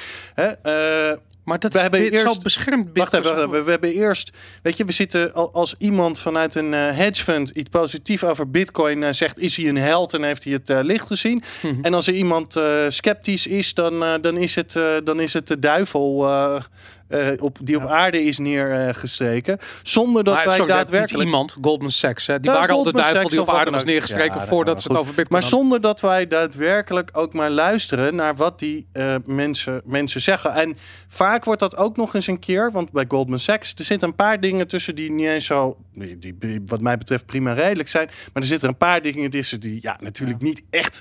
Laten we het gelijk, dan- laten we het over dat. eh, Weet je, we gaan even een sprongetje maken. We komen straks weer terug bij, de, bij, de, bij onze onderwerp volgorde. Maar het Goldman Sachs eh, eh, rapport. Het Ik is heb het helemaal gelezen. anderhalve week ook. Ik heb het ook gelezen anderhalve week geleden. Eh, het hele link naar het artikel staat in de, eh, in de show notes. Eh, Jan, vertel me wat er in godsnaam sens maakt aan het, aan het Goldman Sachs rapport. Oké. Ik ben Ehm, eens, zo Jan, wat je net zei. Heel goed. Dus, Heel goed. Eindelijk iemand meestal, Nee, nee, dat meestal kan. Ik- ik kan zijn. Aaron en Boris het nooit met mij Wacht maar in de comments. blij, Jij mag vaker terugkomen. Ja, precies. Ehm, Oké, even eh, voordat we specifiek over wat ze op Bitcoin zeggen. Want ik heb ook een rangorde gemaakt van welke dingen redelijk en nemelijk zijn en niet. Maar is Hmm. het wel handig om even een verhaal over goud neer te zetten? Want het is namelijk vanuit die context, vanuit goud, waarom ze ook geen goud aankopen voor hun klanten. Mhm. eh, heeft veel met te maken met de reden waarom ze ook geen Bitcoin willen. Dus ik nou, zal die even kort Ja. opsommen. Dus als je eh, kijkt naar hoe aandelen doen vergeleken met inflatie eh, tegenover goud, dan doet inflatie het over de afgelopen 30, 40, 20, 10 jaar beter dan, eh, dan goud. Dat laat ze ook zien. 2000 jaar? Eh, Nee, niet 2000 jaar. Dus Nee, je kunt hier het argument... ge- Ik vind dat redelijk overtuigd, maar je kunt het argument natuurlijk geven dat de tijdshorizon niet Ja. lang genoeg Sinds is. de ge- is prima. geldprinter brr doet, is het... eh, Prima, dat kun, je, dat kun je zeggen. Maar oké, als ik er als data-analyst naar kijk... en ik heb data van de laatste 40 jaar... kan ik me voorstellen dat je denkt van... ja, hier is toch wel duidelijk... Hier is toch, dit zegt toch wel iets. Ehm, als je kijkt naar periodes van veel inflatie... Mhm. eh, zelfs dan doet goud het meestal niet beter dan de aandelenmarkt. Er zijn Dit is trouwens allemaal vanuit de Amerikaanse perspectief beredeneerd. Mhm. hè? Dus, Ja. dus dat is wel ook even, moet er even bij. Eh, er zijn een paar uitzonderingen. En die uitzonderingen lijken vooral te gebeuren als er echt extreme inflatie is. Dus als je echt hele hoge inflatie hebt. De correlatie tussen goud en inflatie is niet stabiel. Nou, dat zou ook te maken mee kunnen hebben dat goud eigenlijk alleen maar goede hedge is als je hele hoge inflatie hebt. Niet Mhm. per se tegen inflatie. Hebben ze ook nog iets over de manipulatie van de goudprijs gezegd? Nee, nee, Oh, nee. nee. Eh, en obligaties zijn vaak betere bescherming als aandelen het slecht doen. Dus dat was een ander punt wat ze hebben. Nou, dit is- hebben ze allemaal onderbouwd met data. Daar kun je wel wat van zeggen, maar dit is hun beredenering Ja. voor waarom zij geen goud in hun portfolio willen hebben. Ik denk dat die niet helemaal compleet is, Oh. maar het is ook niet totale onzin. Dus maar ik snap wel wel erg veilig. Ik Maar bedoel, goed. als je een standpunt zou moeten indelen. Nee, maar goed, maar dat is, maar dat is, weet je, ja, oké, dat is wel heel erg veilig, maar dat is dan wel ongebruikelijk met de manier waarop heel veel mensen op dit soort dingen reageren. Want het is of complete onzin, of het is helemaal waar. Als het Maar ik vind het dus complete onzin. Want Nee, het is namelijk. niet. Ja, maar het is iets wat. wat eh, eh, we zitten in, het, in een fase waarin het achterhalen. Eh, van dit soort eh, van dit soort realiteit eh, duidelijk wordt. Weet je, je inflatie is sorry, maar Amerika staat in brand. Weet je, inflatie leidt tot of geldprinterij leidt tot inkomensongelijkheid. Eh, tada, wat krijg je daarvan? Rellen. Dat is zowel in Europa als in Amerika hebben we dat nu. Ja, maar ze hebben het over prijsinflatie. Dat, maar dat snap ik wel. is- Maar dat is het probleem. Dat is, dat, is, dat is hetzelfde als die virologen die door een microscoop kijken en proberen de wereld te begrijpen. Weet je, als je zo in, inzoomt op één klein aspect, dan verlies je ook de context uit het oog. Maar goed, ik kan het. Ja, nou ja, goed. eh, dat, ik zou zelf, als ik zeg maar Goldman Sachs was en ik beredeneerde vanuit Goldman Sachs. En ik zie de monetaire inflatie die op dit moment plaatsvindt. Dan zou er toch scenario's zijn waar ik toch rekening mee zou houden met extreme hoge inflatie. Ja. En dan toch zou ik wel, denk ik, de keuze maken om een klein deel te investeren in goud van het, eh, van het fonds. Uh, aan de andere kant, ik denk ik net als Goldman Sachs, ben lang niet overtuigd dat wij enorme prijsinflatie gaan zien. Uh, zeker nu met de coronavirus die uh, uitbreekt, zien we weer een, een periode van deflatie. als we kijken naar de afgelopen tien jaar, wat al die opkoopprogramma's qua inflatie hebben geproduceerd. Tuurlijk, er is altijd inflatie, maar niet die extreme inflatie waardoor goud het zou doen. De situatie kan nu anders zijn. Ik kan redenen bedenken waarom ik zou denken dat die nu anders is. Eén uh, belangrijke factor hierbij is uh, natuurlijk uh, wat de coronavirus allemaal teweeg heeft gebracht met productie. En dat productie gaat Hmm. verhuizen. En dat we die goedkope arbeid die sowieso aan het ophouden was. Et cetera, die, die redenen kun je allemaal geven. Maar we zien wel inflatie in bepaalde assets. In de huizenprijzen, in de aandelenkoersen. Ja, maar dan kunnen ze toch beter in die assets investeren. Waarom zouden ze dan in goud investeren? Ja, nee, maar daar heb je gelijk in. Maar dat heeft te maken met de manipulatie van de goudprijzen. In mijn ogen. Maar goed, dat is, dat is een discussie van... Laten we even over wat zij over Ja, bitcoin over zeggen. Bitcoin. Ehm, even kijken. Ehm, dus ze geven, ja, dus ze overwegen eigenlijk moeten wij eh, investeren in, eh, in, in Bitcoin, Eh, gedeelte van de portfolio. Oké, reden één. Laat ik één reden geven die ik zeer, die voor mij heel overtuigend is en dat snap ik heel goed Hmm. vanuit het perspectief van een fonds. Ehm, Bitcoin is super volatiel. We hebben in begin maart hebben we nog een crash in een paar uur gezien van bijna 40% in de markt. Ja. Goldman Sachs investeert om dezelfde reden ook niet in penny stocks. Ja. En ehm, ja, daar kun je misschien wat van vinden. En je kunt misschien zeggen ze moeten een ander risicoprofiel aannemen of wat dan ook. Eh, misschien, maar laat ik het... Ja, weet je... Zij zoals ik zeg, ze investeren ook niet in penny Het, stocks. het tegenargument is dan vaak van ja, weet je, eh, in maart was ook de olieprijs negatief. En ehm, weet je, waren het niet alleen penny stocks, eh, die, die de hele Klopt. AX en S&P en whatever voor beurzen, die, die 23%, gingen ook ja. 23%. Ja. Maar ik ben alsnog wel met je eens, dat maakt bitcoin niet meer of minder volatiel. Ja. Dat is 40% nog steeds 40%. Dat ze in die andere asset classes misschien eigenlijk dan ook niks te zoeken hebben. Ja, dat is een losse discussie. Maar Ja. dat, dus dat, dat, dat punt snapte ik ook wel. Kijk, ik denk met dit hele verhaal, hè, ik heb dat hele stuk doorgelezen, want wij hadden toevallig vorige week ook in de, in de podcast. eh, toen vroegen we ons nog af van, zijn er meer slides? Nou, die kwamen later boven water, dus ik heb ze doorgenomen. En het hele forecasting, die hele forecasting bubbel waar al die bedrijven in zitten, Mhm. dat... Ja, ik, ik trek dat niet zo goed meer, weet je. Het is elke keer wordt er geforecast en dan... Oh ja, er is nu toch wel een extreem event. Ja, forecast klopte niet meer. Dan heb je corona, maken ze een nieuwe.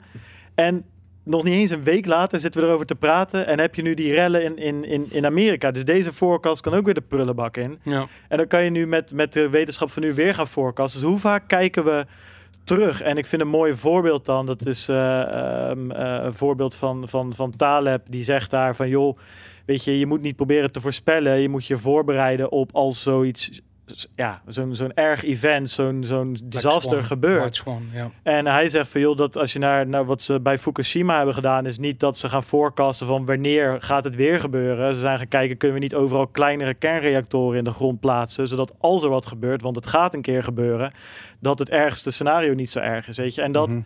Weet je, dat vind ik met forecasting gewoon, ehm, eh, gewoon lastig. Kijk, en als ik dat ding dan doorlees, dan denk ik inderdaad, Jan, ik ben met een paar dingen helemaal met je eens van ja, dat zeggen ze helemaal niet zulke gekke dingen, omdat ze eigenlijk het is ook niks. Het waren gewoon zeg maar de feiten die ze op tafel eh, gooiden. Ik vond wel met die inflatie van Bitcoin, denk ik, ja, hoezo? Eh, vanaf dat het begint heeft het zijn waarde gehouden. Dus je kan allicht zeggen van, nou ja, we hebben te weinig data om het te bepalen. Maar zij zeggen dat het niet inflatiebestendig is of zeg maar waardevast is. Dan denk Mhm. ik, ja, alle data die we hebben, die wijst daar juist wel op. Dus zeg dan dat je er niks over kan Nou, zeggen. Wacht even. eh, dat, ja, dat was toevallig een van de redenen die ik had als eh, enigszins overtuigend, maar moet genuanceerder.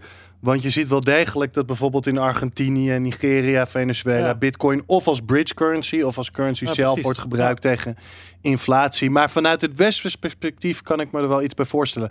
Wat jij, ehm, wat jij nu zegt, kijk, eh, voorspellen, eh, forecasting, ehm, is, is altijd onzeker. Hè? Eh, Gewoon, het is inherent eh, onzeker. Maar dat betekent niet dat je het moet doen. Tuurlijk is het een goed idee om bepaalde maatregelen in je organisatie te hebben, zodat je veerkracht hebt op als er dingen gebeuren, als er zwarte zwanen gebeuren, dat je daarop ingericht kan zijn. Maar je moet wel als Goldman Sachs moet je wel scenario's kunnen, kunnen bouwen en daarmee om kunnen gaan. Ja. Maar wat ik wel eh, vind, en dat vind ik van eh, een, een hele hoop van die institutionele investeerders, wat ik vaak zie, ehm, is dat ze alleen maar data gedreven zijn. Terwijl juist een hele hoop ehm, bi- binnen die, die data gedrevenheid daar vaak allerlei assumpties zitten en modellen waar ze, waar ze, uit, waar ze uit moeten. Ehm, en daar zouden ze een breder pers- perspectief op kunnen plaatsen. Want dit vind ik ook, dit, dit, dit stuk is ook zeer data gedreven. Ja. Maar, je In hebt ge- van- maar wat ik vind maar het goed. zo belangrijk, want, want het, eh, het is de hele tijd prijs, prijs, prijs, prijs, prijs. En eh, ik, ik wil zelfs Plan B heeft nu een fantastische eh, poging gedaan om, om, om Bitcoin te kwantificeren. Heeft dat, dat, in, Mm. dat, dat komt tot uitdrukking in stock to flow en dus ook in prijs. Ehm, wat ik heel erg mis in dit verhaal is wat voor rol Bitcoin kan spelen in een systeem wat eh, eh, aan het afbrokkelen is. En dat vind ik, dat mis Klopt, het is ik bedoel, als, je, als je het alleen al Ja. over de boekhouding hebt, hè, dat je Ja. dus echt een soort van derde, eh, weet je, wa- wat is die double standard boek, of hoe heet dat, dat, je- dat je de, de, de, de debiteur en de crediteuren, dat je dat aan twee kanten bijhoudt, dat was al een revolutie. En nu Mhm. kunnen we eigenlijk gewoon dat doen, plus de totale supply kijken. Dus je komt een derde laag bovenop je boekhouding. Dat zou voor bankiers iets moeten zijn om laaiend enthousiast van te worden. Dat is letterlijk de, Mhm. ehm, eh, eh, de aanleiding voor centrale banken om te kijken naar digital currencies. Ja. Omdat ze gewoon, ja, op dit ogenblik, er is helemaal geen, het M2 wordt niet echt bijgehouden, weet je. Dus dat, dat, Nee, dat klopt. zou fantastisch zijn voor ze. Maar het is inderdaad eh, wat je zegt, dat ben ik met je eens. En, en inderdaad, een van mijn kritiekpunten op dit stuk zou zijn: ze hebben de waardepropositie van Bitcoin eh, niet echt genoeg onder, onderzocht om hier echt een goed oordeel over te eh, maken. Dus een van de dingen die ze bijvoorbeeld zeggen: hè, Bitcoin is niet schaars, want je hebt forks en alt. Ja, Ja, ja, weet je, dat is gewoon hetzelfde. Ik snap Fut. dat Het mensen fut, blijven dit maar aanhouden. Maar dit is gewoon letterlijk hetzelfde dat je zegt dat de US dollar niet schaars is, omdat sinds 1935 Monopoly een, eh, enorm populair is geworden. Ja. Weet je, dit, dit, dit, dat snijdt gewoon geen hout. Het is dat je zegt dat de euro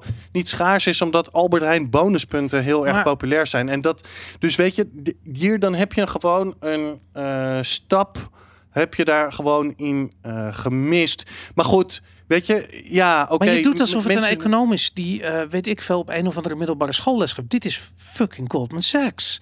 Dit zijn, Nee, hier, maar dit, Boris, hier moet dit een kost... team op zitten Nee, van dit- 50 man die allemaal een, Nee, joh, drie je- maanden research hebben gedaan. Ja, ik Nee, weet joh, dat het zo, niet zo, zo, is. Zo, zo belangrijk is Bitcoin ook weer niet. En ik heb dat soort gesprekken met, eh, met wealth funds en hedge funds gevoerd. En die komen al echt serieus. Dit is een van de opmerkingen waar ze altijd mee komen. Ja. En het kost me altijd tijd om uit te leggen eh, waarom dat, eh, waarom dat dan, schaars. ja, de, de, de, de- waarom dat dan niet zo eh, is. En op een gegeven moment, ja, op een gegeven moment valt, dat, valt dat een beetje wel. Maar dat heeft allemaal zijn dat heeft allemaal allemaal zijn tijd nodig. En ja, weet je, Goldman Sachs gaat niet eh 300 man op Bitcoin zetten. En ook, om heel eerlijk te zijn, ook eigenlijk wel eh, terecht hoor. Dat ze dat, eh, dat ze dat niet doen. Want er zijn gewoon ook allerlei andere dingen waar zij over moeten, over Mhm. moeten nadenken.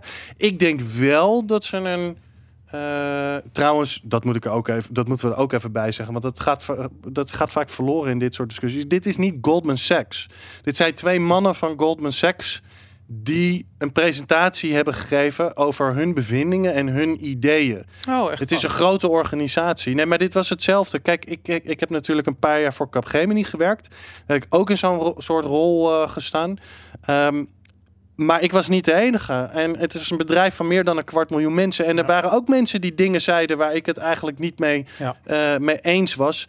Maar dat kun je niet tegenhouden in een grote organisatie. En in tegenstelling tot wat veel mensen denken bij dit soort grote organisaties, ben je, zolang je maar redelijk respectvol bent en redelijk onderbouwd wat je, wat je denkt, Hm. eh, mag je je mening gewoon uiten. Zolang je het maar niet per se ophangt als eh, dit is de- het standpunt van, van mijn Nee, eh, bedrijf. Dus Dat- dit is ook niet per se het standpunt van Nee, dat ik Sachs. een heel goed punt. Dat hebben Ja. Wijnand en ik toevallig, omdat we dit ook behandeld hebben, zeg maar in, in, in, de, pod, in onze eigen podcast vorige week. Precies Ja. hetzelfde, exact dit. Wijnand en ik hebben ook wel eens voor PwC een blockchain eh, presentatie gegeven. En ja, tuurlijk heb je een global whatever huisstijl PowerPoint waar je alles in hangt. Ja, die ziet er hetzelfde uit als de PowerPoint die de global CEO ja. zou gebruiken. Ehm, dus het is, dus ook hier weer, hè, context is wel belangrijk. En ja, het komt van Goldman Sachs. Ik bedoel, je kan er best wel wat eh, aan hangen, maar hou ik een slag om de arm dat dit niet per se de, de, de, het, het global company statement is of zo. Of een nieuwe missie en, en, en purpose en values en whatever al die bedrijven tegenwoordig hebben. Mhm. Dus ik denk dat dat inderdaad belangrijk is. En wat jij zei over het forecasten, Jan, ik denk inderdaad, je hebt gelijk. Het is misschien niet helemaal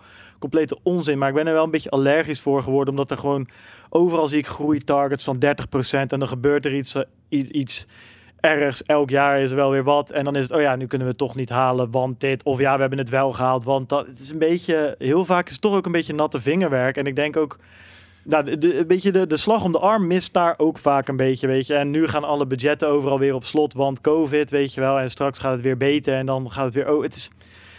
Ja, ik, ik ben... Ja, maar- is maar misschien dit is allergie die daar een beetje Nee, spreekt, maar- tuurlijk. Maar dat, dat snap ik. Maar eh, forecasting is net als medicijnen of wat dan ook. Forecasting kan op een goede manier gedaan doen. Met, de, ja, hè, met expliciete uitdrukking van assumpties, onzekerheden, betekenissen, et cetera. En op een foute manier eh gedaan Ja, maar worden. ik denk ook als, als bedrijf word je er wel ook enigszins eh, fragiel van. Hè? Ik bedoel, vergelijk Mhm. met het weerbericht. Hè? Als ik daar volledig van uitga en dat, dat zie je als de waarheid, weet je. En ik ga in mijn zwembroek naar het strand en toch, ja, de 10% kans op regen komt uit. Dan sta ik er wel voor Jan Lul. En dat zie je ook wel een beetje met, met forecasting in bedrijven gebeuren. Dat er zo Mhm. gericht wordt, nou, dit valt binnen het 95% eh kwaliteitsinterval, whatever, Mhm. voor, voor Nee, belcurves te gebruiken. En dan valt het er een keer buiten en, en dan moet je op de fles. Ja, maar dit je? is dus waarom je filosofen in je bedrijf nodig hebt. Ja, en eens. niet alleen maar statistici. Ja. Want het zijn juist filosofen. En ik, ik, ik nou ja, goed, ik heb de, mijn, eh, mijn onderzoek voor mijn proefschrift eh, is hier sterker gerelateerd. We hebben toevallig ook van de week een discussie over kansen en waarschijnlijk en forecasting eh, gehad op de, op de chat.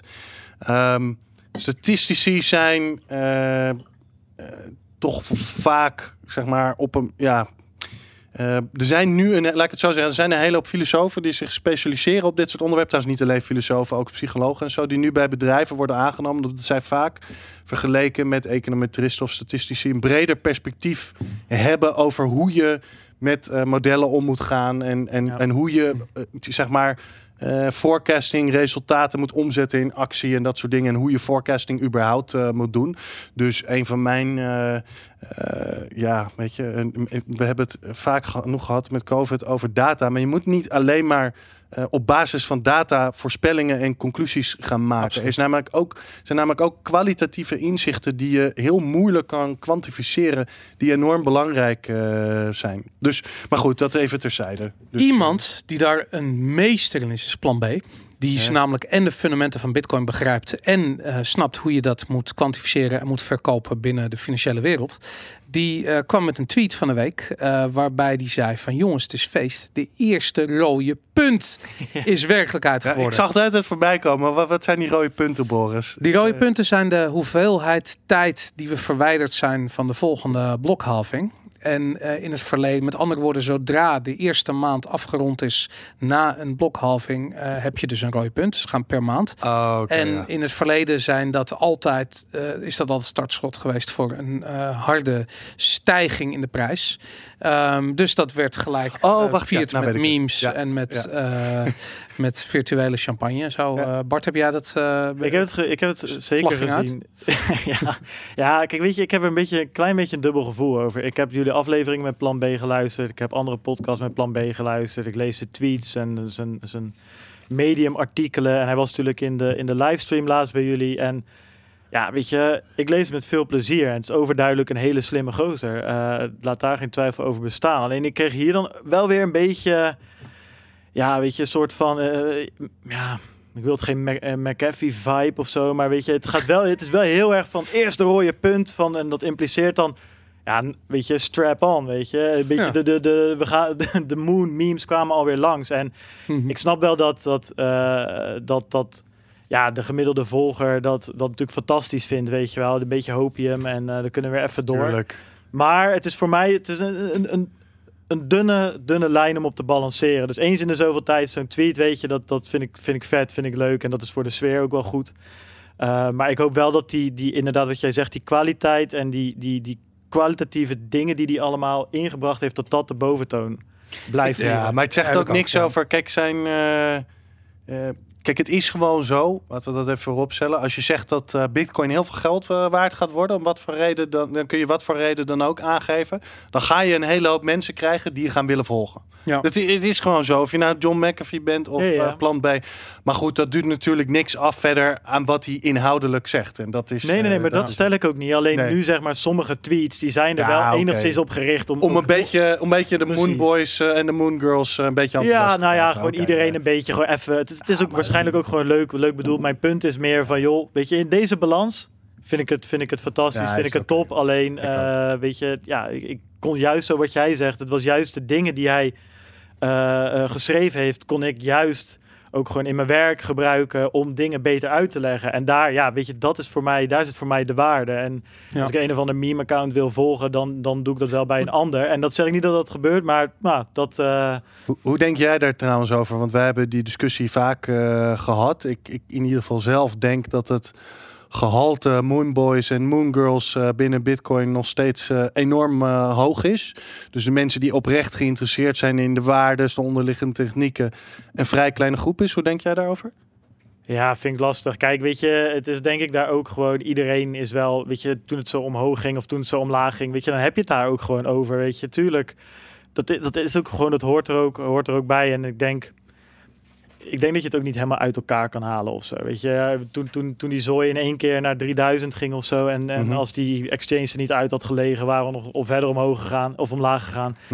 Ja, toen zat ik ook niet lekker op mijn stoel of zo, weet je. Dat was wel spannend, eh, die, Ja. die nacht dat dat gebeurde toen ik het zat te kijken. En dat, dat hoort er ook gewoon, denk ik, een beetje, oh, dat hoort er ook een beetje bij. Dus eh, ik hoop in ieder geval dat met de podcast die we maken, weet je, besteden we daar aandacht aan. Maar ook gewoon die andere dingen die we zo belangrijk vinden. Bijvoorbeeld om aan zo'n AML D5 traject eh, daar wat meer, eh, dat wat meer op de voorgrond te zetten. En dan hoop ik dat de mensen, nou ja, die komen voor de prijs.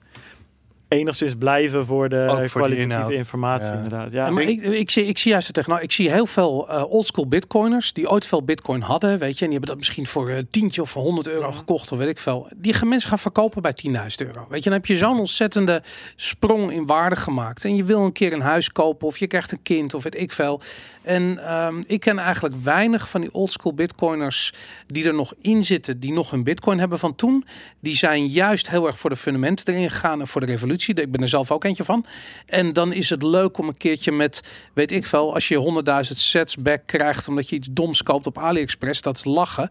Maar dat is wat anders om nog helemaal in, met geld in die emotionele achtbaan te gaan zitten. Terwijl ik begrijp dat dat de aantrekkingskracht is voor veel mensen. Ja, logisch. Als je bitcoins heel erg omhoog gaan, is het gewoon logisch om wat die diversificeren en niet alles in Ja, maar het- magisch internetgeld Nou, maar eh, wat het, te wat, het, laten. wat het ook is, denk ik, voor- zelfs al heb je eh, niet veel bitcoin of geen bitcoin, eh, prijs is gelijk. Dus op het moment dat die prijs eh, heel erg omhoog gaat, dan word je weer gebeld door al die mensen die een tijd niet gesproken hebben. Van, hoe kan ik kopen? En hoe kan ik dit? En hoe kan ik dat? Ja, ja. Je krijgt weer een beetje gelijk. Want je hebt al drie jaar lang lopen roepen dat, Ja. dat, dat, dat het een ge- veilige hedge is. En dat ja, je wordt uitgelachen. Ja, en, en eh, om terug te komen wat we net zeiden, hoe kunnen we het dan verder brengen als podcastmaker, als figuur in, in die Bitcoin-wereld? Want Als je gevraagd wordt, ook wat Jan zegt, ga er ook niet mega afvallend zitten. Tuurlijk, weet je, als jij voor lul gezet wordt, whatever, bijt van je af, fijn. Maar dan moeten we ook een soort van verhaal klaar hebben om, om, om daar te gaan, eh, te gaan vertellen. En weet je, dat vond ik interessant om te zien eh, bij Bert, Bert Slachter, toen hij natuurlijk Mm. uitgenodigd werd voor al die corona-dingen bij Mhm. Op1 en whatever.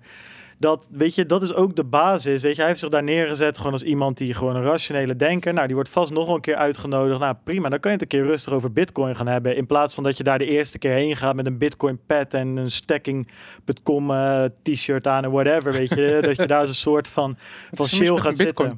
Maar het is nog steeds de, Niks Ja. mis, maar weet je, Hey, heb jij een stacking shirt gekregen? dat komt eraan, ja. Ah. Zeker weten. Jij moet Hey, waarom hebben wij Ja, stacking daarom. Ik shirt? chill die gast overal. Ja, maar je shield het net, maar je zegt het niet. Ja, dat zijn die kleine shirt. Ja, Ja. jezus. Dan moet je bij Leon. Nou, maar ik denk dat er een, eh, ja, ik denk dat er nog wel steeds een, een issue is. Ik snap, ik snap dat het niet verkeerd is om eh, hè, Bitcoin, ja, weet je, maar dit soort media optredens en zo te doen. Dat is allemaal, dat is allemaal prima. Hoewel het wel heel lastig is als je bijvoorbeeld in een panel wordt gezet, Ja, want dan krijg je vaak eerst, dat heb ik ook wel eens gehad. Dat is heel vervelend eh, dat je eerst allerlei onzin moet gaan zitten ontkrachten. Je kunt eigenlijk niet eens Ja. normaal een punt, eh, een punt maken.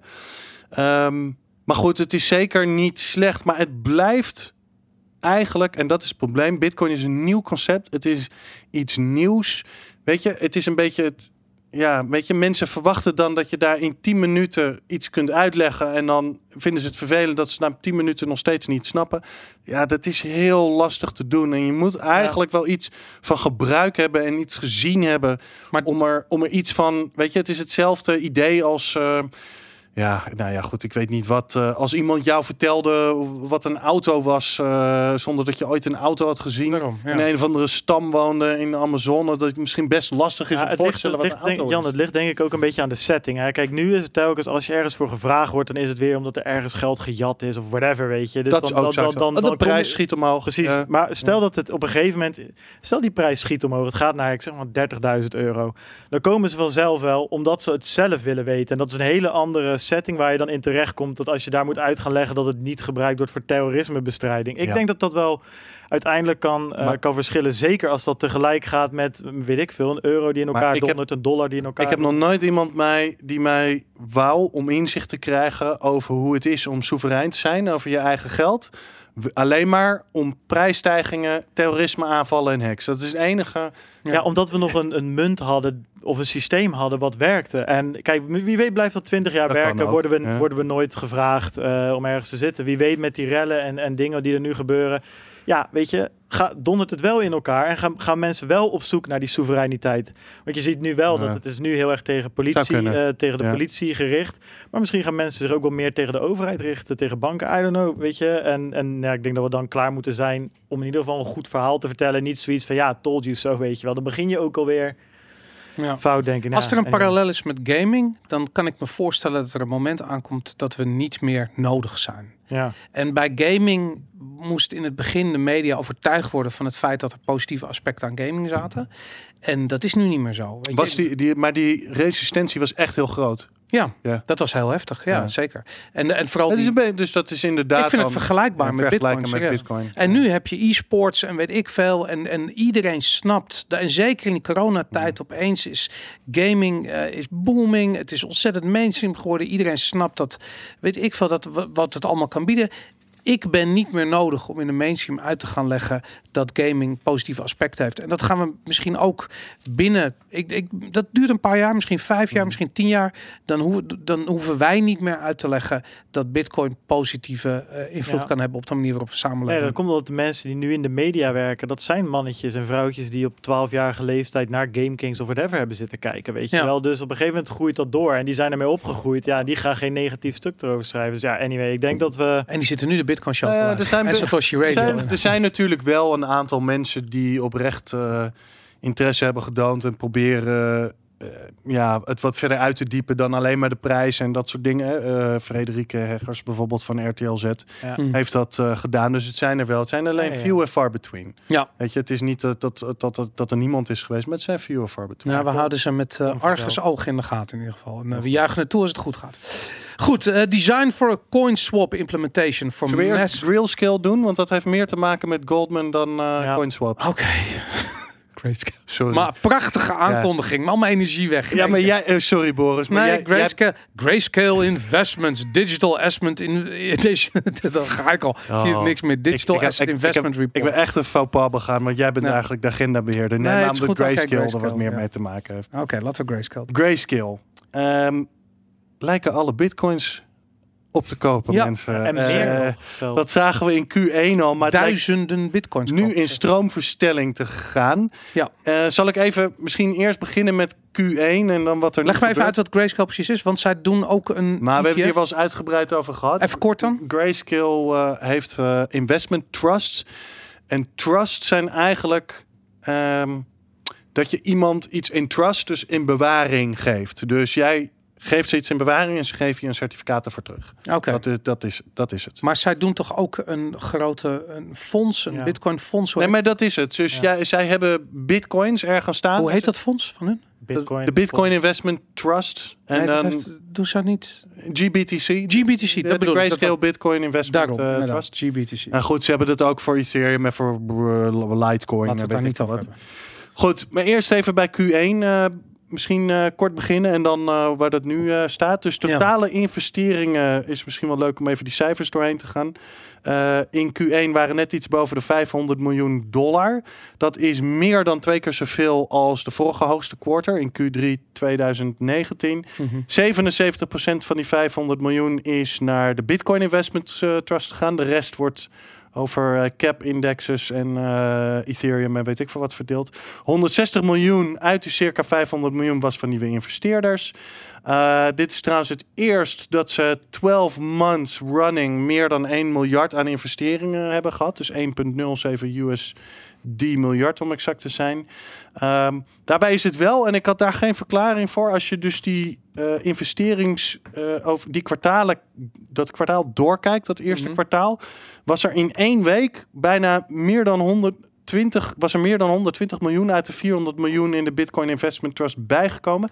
En dat zie je ook wel vaak in het verleden. Ik, ja, ik kon niet zo 1, 2, 3 uitzoeken waarom dat nou zo was. Of ze die dingen nou opstapelen of wat dan ook. Maar goed, eh, goed de Bitcoin Investment Trust heeft nu 1,7% van alle circulerende bitcoins in handen. Dus dat was Jesus even... Christ, wat veel, man. Ja. Hoeveel, hoeveel bitcoin gaat het dan om? Eh, iets van 300 nog wat duizend. Jesus Christ, dat heeft die eh, Barry Shilbert goed Ja, gedaan. dat heeft. Barry goed gedaan. Jezus. Nou, wat is er dan nu aan de, aan de, aan de hand? Ehm, dat was Q1, dus daar hadden ze al een behoorlijk deel van de eh, nieuwe bitcoins die in omloop komen. Ja, zo wordt het gezegd, dat klopt niet helemaal, maar zo wordt het gezegd eh, gekocht. Zij moeten iedere week, omdat zij bij de SEC, bij de Security and Exchange, moeten ze zogeheten K8-formulieren opsturen, waarin staat wat voor sales zij iedere week hebben gedaan. Dus wat voor new issuances. Oké. Dus hè, je, je moet zich maar voorstellen dat fonds, daar zitten honderdduizend aandelen in eh, Hm. GBTC-shares. En dat zit eh, tegenover zoveel bitcoin staat dat, et cetera, et cetera. Dat zijn zomaar fictieve aantallen. Mhm. Maar iedere keer als jij dat fonds uitbreidt, dus als jij nieuwe shares hebt, dan moet je daar een soort van statement begeven bij de SEC. Nou, dat doen zij ongeveer eh, wekelijks. Mhm. Eh, en daar kun je dus zien eh, eh, hoeveel dat fonds zich uitbreidt iedere week. Nou, er wordt nu dus heel erg geroepen van Grayscale koopt alle bitcoins op. Dus wat is nou aan de hand? Mensen kijken naar die K8-formulieren, zo heten ze. Kijken hoeveel bitcoins er zijn opgekocht om nieuwe shares te issuen. Mhm. En aan de hand daarvan berekenen ze de mining ratios. Nou, ik ehm, heb dat even voor de laatste weken eh, gewoon gedaan. Dus ik heb er vier, dus misschien wel leuk om even te weten. Van 19 tot 27 mei zijn er bijna 7000 bitcoins gekocht. Meer dan er in toen de tijd gemijnd is. Dus was de ratio 110 Wow. 12 mei tot 19 mei waren er 12.000 nieuwe bitcoins eh, gekocht. En was de ratio bijna 200 Mhm. Eh, terwijl in 6 mei tot en met 12 mei en 30 tot en met 6 mei zitten die ratio's op ongeveer 70 en 50 procent, wat die waren voor de heffening. Ja. Hier moet wel een kwalificatie bij komen, want iedereen zegt Grayscale is de nieuwe bitcoins aan het opkomen. Oh, wacht eens even. Er worden bitcoins gekocht en verkocht op ieder moment wat met een volume wat vele malen groter is dan wat er door miners bijgeproduceerd wordt. Dus als jij naar bijvoorbeeld hè, eh, hoeveel eh, coins eh koopt Coinbase op een, op een dag bij wijze van spreken of in een week, was dat misschien ook wel meer geweest dan de totale hoeveelheid bitcoins die erbij zou komen door Ja, ze, Miners. ze, ze kopen uit de markt, maar dat zou Juist, betekent ja. dat ze een market maker zijn. Maar het is hier wel net eventjes iets anders, want het laat toch zien dat er blijkbaar niet genoeg liquiditeit is in dat, eh, in dat Waarom? fonds. Waarom laat het dat zien? Nou, anders zou je het niet uitbreiden. Want Ja, maar het zijn toch nieuwe klanten? Zijn, zijn nieuwe klanten aan het Het werken? zijn nieuwe klanten, maar je kunt die shares ook gewoon op een secondary market kopen. Want die worden ook gewoon op een secondary market verhandeld. Maar blijkbaar is er niet genoeg, lijkt het, niet genoeg liquiditeit eh, in die secondary market. Want anders Maar zou je als in klant... dus, maar, maar die, die, die, die, eh, dat fonds, eh, Mhm. als jij dus, zij laat ik zo zeggen, het is niet dollar settled. Het is physically settled. Er is niks physically settled. Waar, waarom kopen ze die? die Het zijn is- gewoon certificaten die tegenover bitcoin staan. En ik kan die certificaten, als ik wil, weer doorverkopen aan anderen. Ja, maar waarom blijkbaar- moeten zij die bitcoin aanhouden? Waarom moeten zij moeten die gewoon bitcoin... dollars aanhouden? Omdat die certificaten tegenover bitcoin staan. Dat is de deal. Oké, dus, Dus het is een stel je voor, manier- jij- jij- jij- je sluit een contract Dit- af bij hun of weet ik wel, een bepaalde Juist. periode. Ik krijg uitbetaald en om Nee, nee, niks contract. Dus je krijgt letterlijk gewoon... Het is bij wijze van spreken als je 100 euro in een kluis krijgt en een certificaat. Jij hebt 100 euro in die kluis gezet en die bewaren we voor je. Dat is letterlijk wat je krijgt. En wat krijg je aan het eind? 100 euro weer terug. Je krijgt die 100 euro Wa- maar terug. waarom moeten zij dan die bitcoin? eh, eh, Omdat je daar een fee voor betaalt. Je betaalt institutionele beleggers het voordeel hiervan. Voor institutionele beleggers sowieso mogen die, als je een he- hele hoge hoeveelheid assets hebt, ik geloof 50 miljoen assets under management of hoger zelfs, mag je sowieso niet zelf dit soort zaken in bewaring Snap hebben. Dus heb je een investering. ja. En daar komt ook nog eens bij dat een hele hoop fondsen gewoon niet zelf die bitcoins willen opslaan. Maar wat dus Boris denk ik vraagt is, die bitcoin die in die kluis ligt, kan zo'n bedrijf daar op een gegeven moment zeggen van, joh, geef, geef maar hier. Want ik hoe heb bedoel wel- je? Nou ja, je koopt een waardepapier. Tuurlijk, ja, dat kan. Oké, nou Ja, dat, je kunt, dat eh, toch... Oké, dus dat is de reden. Het, het, het hedgt het, het risico dat ze zo meteen de bitcoin waarde moeten uitbetalen. Dus je, je, kunt je- ze vragen, je kunt ze vragen om je, eh, ik weet niet precies wat de procedure van is, maar in principe kun je je bitcoins ook weer terug. Maar inderdaad, wat jij zegt, dat doe je als bedrijf niet, want dan had je ze net zo goed zelf kunnen kopen. Het is eigenlijk een soort custodial-achtig idee, toch? Kijk, je kunt ze ook, ja, het is gewoon, het Ja, is gewoon een custody Ja. eh, idee, maar wat je kunt dus die certificaten wel gewoon op een secundaire Ja, markt. precies. Dus hè, in plaats van dat jij eh, dat GBTC eh, moet uitbreiden, kan ik net zo goed als al certificaat hebt, gewoon voor jouw certificaten kopen. Die secundaire markt die is er. Alleen wat dit tegen mij zegt, is dat er niet genoeg liquiditeit is om aan de vraag te voldoen.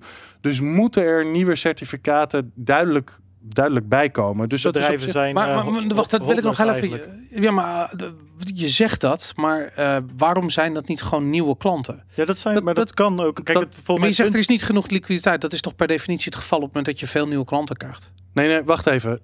Een gedeelte is nieuwe klanten, een gedeelte is bestaande klanten die meer willen hebben. Oké, oké, eh, Ja, dat dus bedoel is ik. een ja. combinatie van Ja, de twee. Maar dat is dan toch vanzelfsprekend? Ik bedoel dat de onderliggende waarde wordt aangehouden van de asset die je in bewaring neemt. Dat is toch logisch? Dus, Ja. dat is op het moment dat er meer bitcoin geparkeerd wordt of meer dollars worden geparkeerd voor Mhm. bitcoin bij Grayscale, dan moeten zij automatisch meer bitcoin kopen. Ja. Dus dan, hoe is dat een gebrek aan Nee, nee, liquiditeit? wacht even. Dus, dus er is vraag. ik weet even niet zo goed waar Ja, we nu gaan. kijk, Het is, ja, het is echt warm. Volgens mij is het is, is best simpel. Je hebt gewoon een bestaande pool met, met bedrijven die die certificaten of whatever hebben. Dus die, die holden bitcoin om het Ja. even in de kluis bij Grayscale. Die willen allemaal holden, dus die verkopen het niet. Dus als jij als nieuw bedrijf ook daarbij wil, dan zullen ze nieuwe bitcoins moeten kopen en nieuwe certificaten moeten Dat uitgeven. is het. Ja, Precies, dat is ja. het. Ja, Het is Maar ook jij zegt ne- er, er, is, er is niet genoeg liquiditeit. Ja, Wat op bedoel die je dan precies? secundaire markt van die certificaten, omdat, al die bedrijven... Ja, dat bedoel ik. Dus er- er is meer vraag dan dat er aanbod is. Er is Ja. geen verschil. Stel, jij hebt al 100 certificaten. Snap ik. ja. Er is in wezen geen verschil of ik nou 100 certificaten van jou koop of dat zij nieuwe certificaten maken. Alleen het probleem is, ik kom Ja. niet aan die certificaten. Dat is Ja. Ja, nee, dat snap ik. Oké, en wat er ook aan interessant is, want ik heb het rap- rapport over Q1 gelezen. Hmm. Ja. Eh, heel veel van de hedge funds die zij hebben, hebben als klanten eh 401k's Ja, eh, en andere type pensioenfondsen. pensioen. Ja, ja. Eh, dus dat zou betekenen dat, er, eh, dat dit niet alleen maar echt alleen maar om speculatie gaat, maar ook om langere termijn investeringen. Dus op zich laat dit wel zien, eh, denk ik, dat er eh, ja, dat die institutionele vraag, ook al is hij nog steeds piepklein, wilde ik ik weet niet hoe jij daarover denkt, maar hij, hij groeit wel. Nou ja, wat denken jullie dat BlackRock, een, eh, een, een, een wat meer traditionelere partij eh, die hetzelfde doet als Grayscale, alleen dan met gewoon eh, andere dingen dan, dan Bitcoin, dus andere assets en commodities en whatever allemaal. Wat denk je dat daar de Q1 ehm, inflow was? Of de, hè, dus wat, wat, wat bij Grayscale 500 miljoen was, wat is dat bij een, bij een ouderwetse partij als BlackRock? BlackRock is wel een van de grootste ter wereld. Ja, dat- daarom pak ik ze Dat is ook. een hele grote. Ik, Dan ik- heb je ik het over denk vele malen groter dan dit. Misschien maar wel een- ik weet het in niet de zeker. honderden miljarden. Vij- 35 miljard. Kijk, er zijn, Oké. Dus weet je, Oh, dat is is, dat eh, nou, dat is om een beetje aan dat te is de geven. assets under management. Dat is wat zij in dat, eh, moet, ik- moet ik zeggen... eh, Q1 als inflow hebben ja, gehad. precies. Ja, dat- 35 miljard Ja. inflows. Dus wat Ja. is een assets onder management? Geen idee. Dat, eh, daar, daar, daar, heb ik, daar ben ik veel meer waarschijnlijk inderdaad. Maar dit was het, stond op, onder precies hetzelfde kopje in hun eh, Q1-rapport. Dus ik dacht, nou, dat is Ja. mooi vergelijken. Maar dat geeft wel aan hoeveel groter dat, eh, wow. dat is. Maar dat wil niet zeggen dat 500 miljoen eh, niks is natuurlijk. Dat is ook nog best wel... Je moet ergens beginnen. Ik bedoel, een paar jaar terug was het ondenkbaar dat dit eh, aan de hand Nee, was. Zeker. En, ja. dit is op zich best een goed eh, teken. Maar, Maar het is nog steeds een drop in Wat de ik, bucket. precies, maar wat ik wel vond, want die tweet heb jij er ook bij gezet, eh, Jan, in de, in, de, in de show notes, was er iemand die, die daar dan deze link postte naar dat rapport en die daar Ja. dan iets van onderschreef van eh, doesn't matter what Goldman Sachs Ja, says, ja, ja, ja. eh, Wall, Street, Wall Street wants Bitcoin. En dan denk ik, Ja, nee, daarom Ja. probeerde ik het Ja, ook te weet je, dat, kwalificeren. dat, dat, Ja, eh, dat en- helpt dus niet. Weet je, het is gewoon een soort van Stockholm-achtig syndroom, Ja. weet je wel. Of Stockholm-syndroom-achtig. Dat ik denk van, en dat gaat beide kanten op. Dan zegt Goldman Sachs wat. En dan, dan zitten mensen daarvan, die springen daarop. Ja. Dan denk ik van, ja, weet je, ik heb zoiets, ik lees het door, denk ja, oké, ik ben het er niet mee eens, maar hoe de fuck cares, weet je? En, en hier hetzelfde, van, ik vind het interessant, maar ook hier, wat jij zegt, het is een, het is een druppel, het is interessant, maar dit is niet dat Wall Street opeens eh, twee kilometer blokje omgaat om bij Grayscale voor de deur eh, Klopt. te staan, weet je? Het is, ehm, nou ja, weet je, zie het allebei in Het is relatief. Maar goed, Ja. we Maar moeten... toch, we ik, moeten- vind het, ik, ben, ik word er blij van. Ja, zeker. We moeten blij. verwachten dat dit soort investeringsmodellen van Bitcoin die zullen er gaan komen. En ik moet zeggen, ehm, ik weet niet eh, ja, hoe jullie daarover denken, maar dit is. Stel, je bent eh, een Bitcoiner, maar je wil niet zelf je Bitcoins opslaan of in een gedeelte niet. Ik kan me voorstellen dat er mensen zijn die die keuze maken. Ook, ik heb het nu ook even over particulieren. Mhm.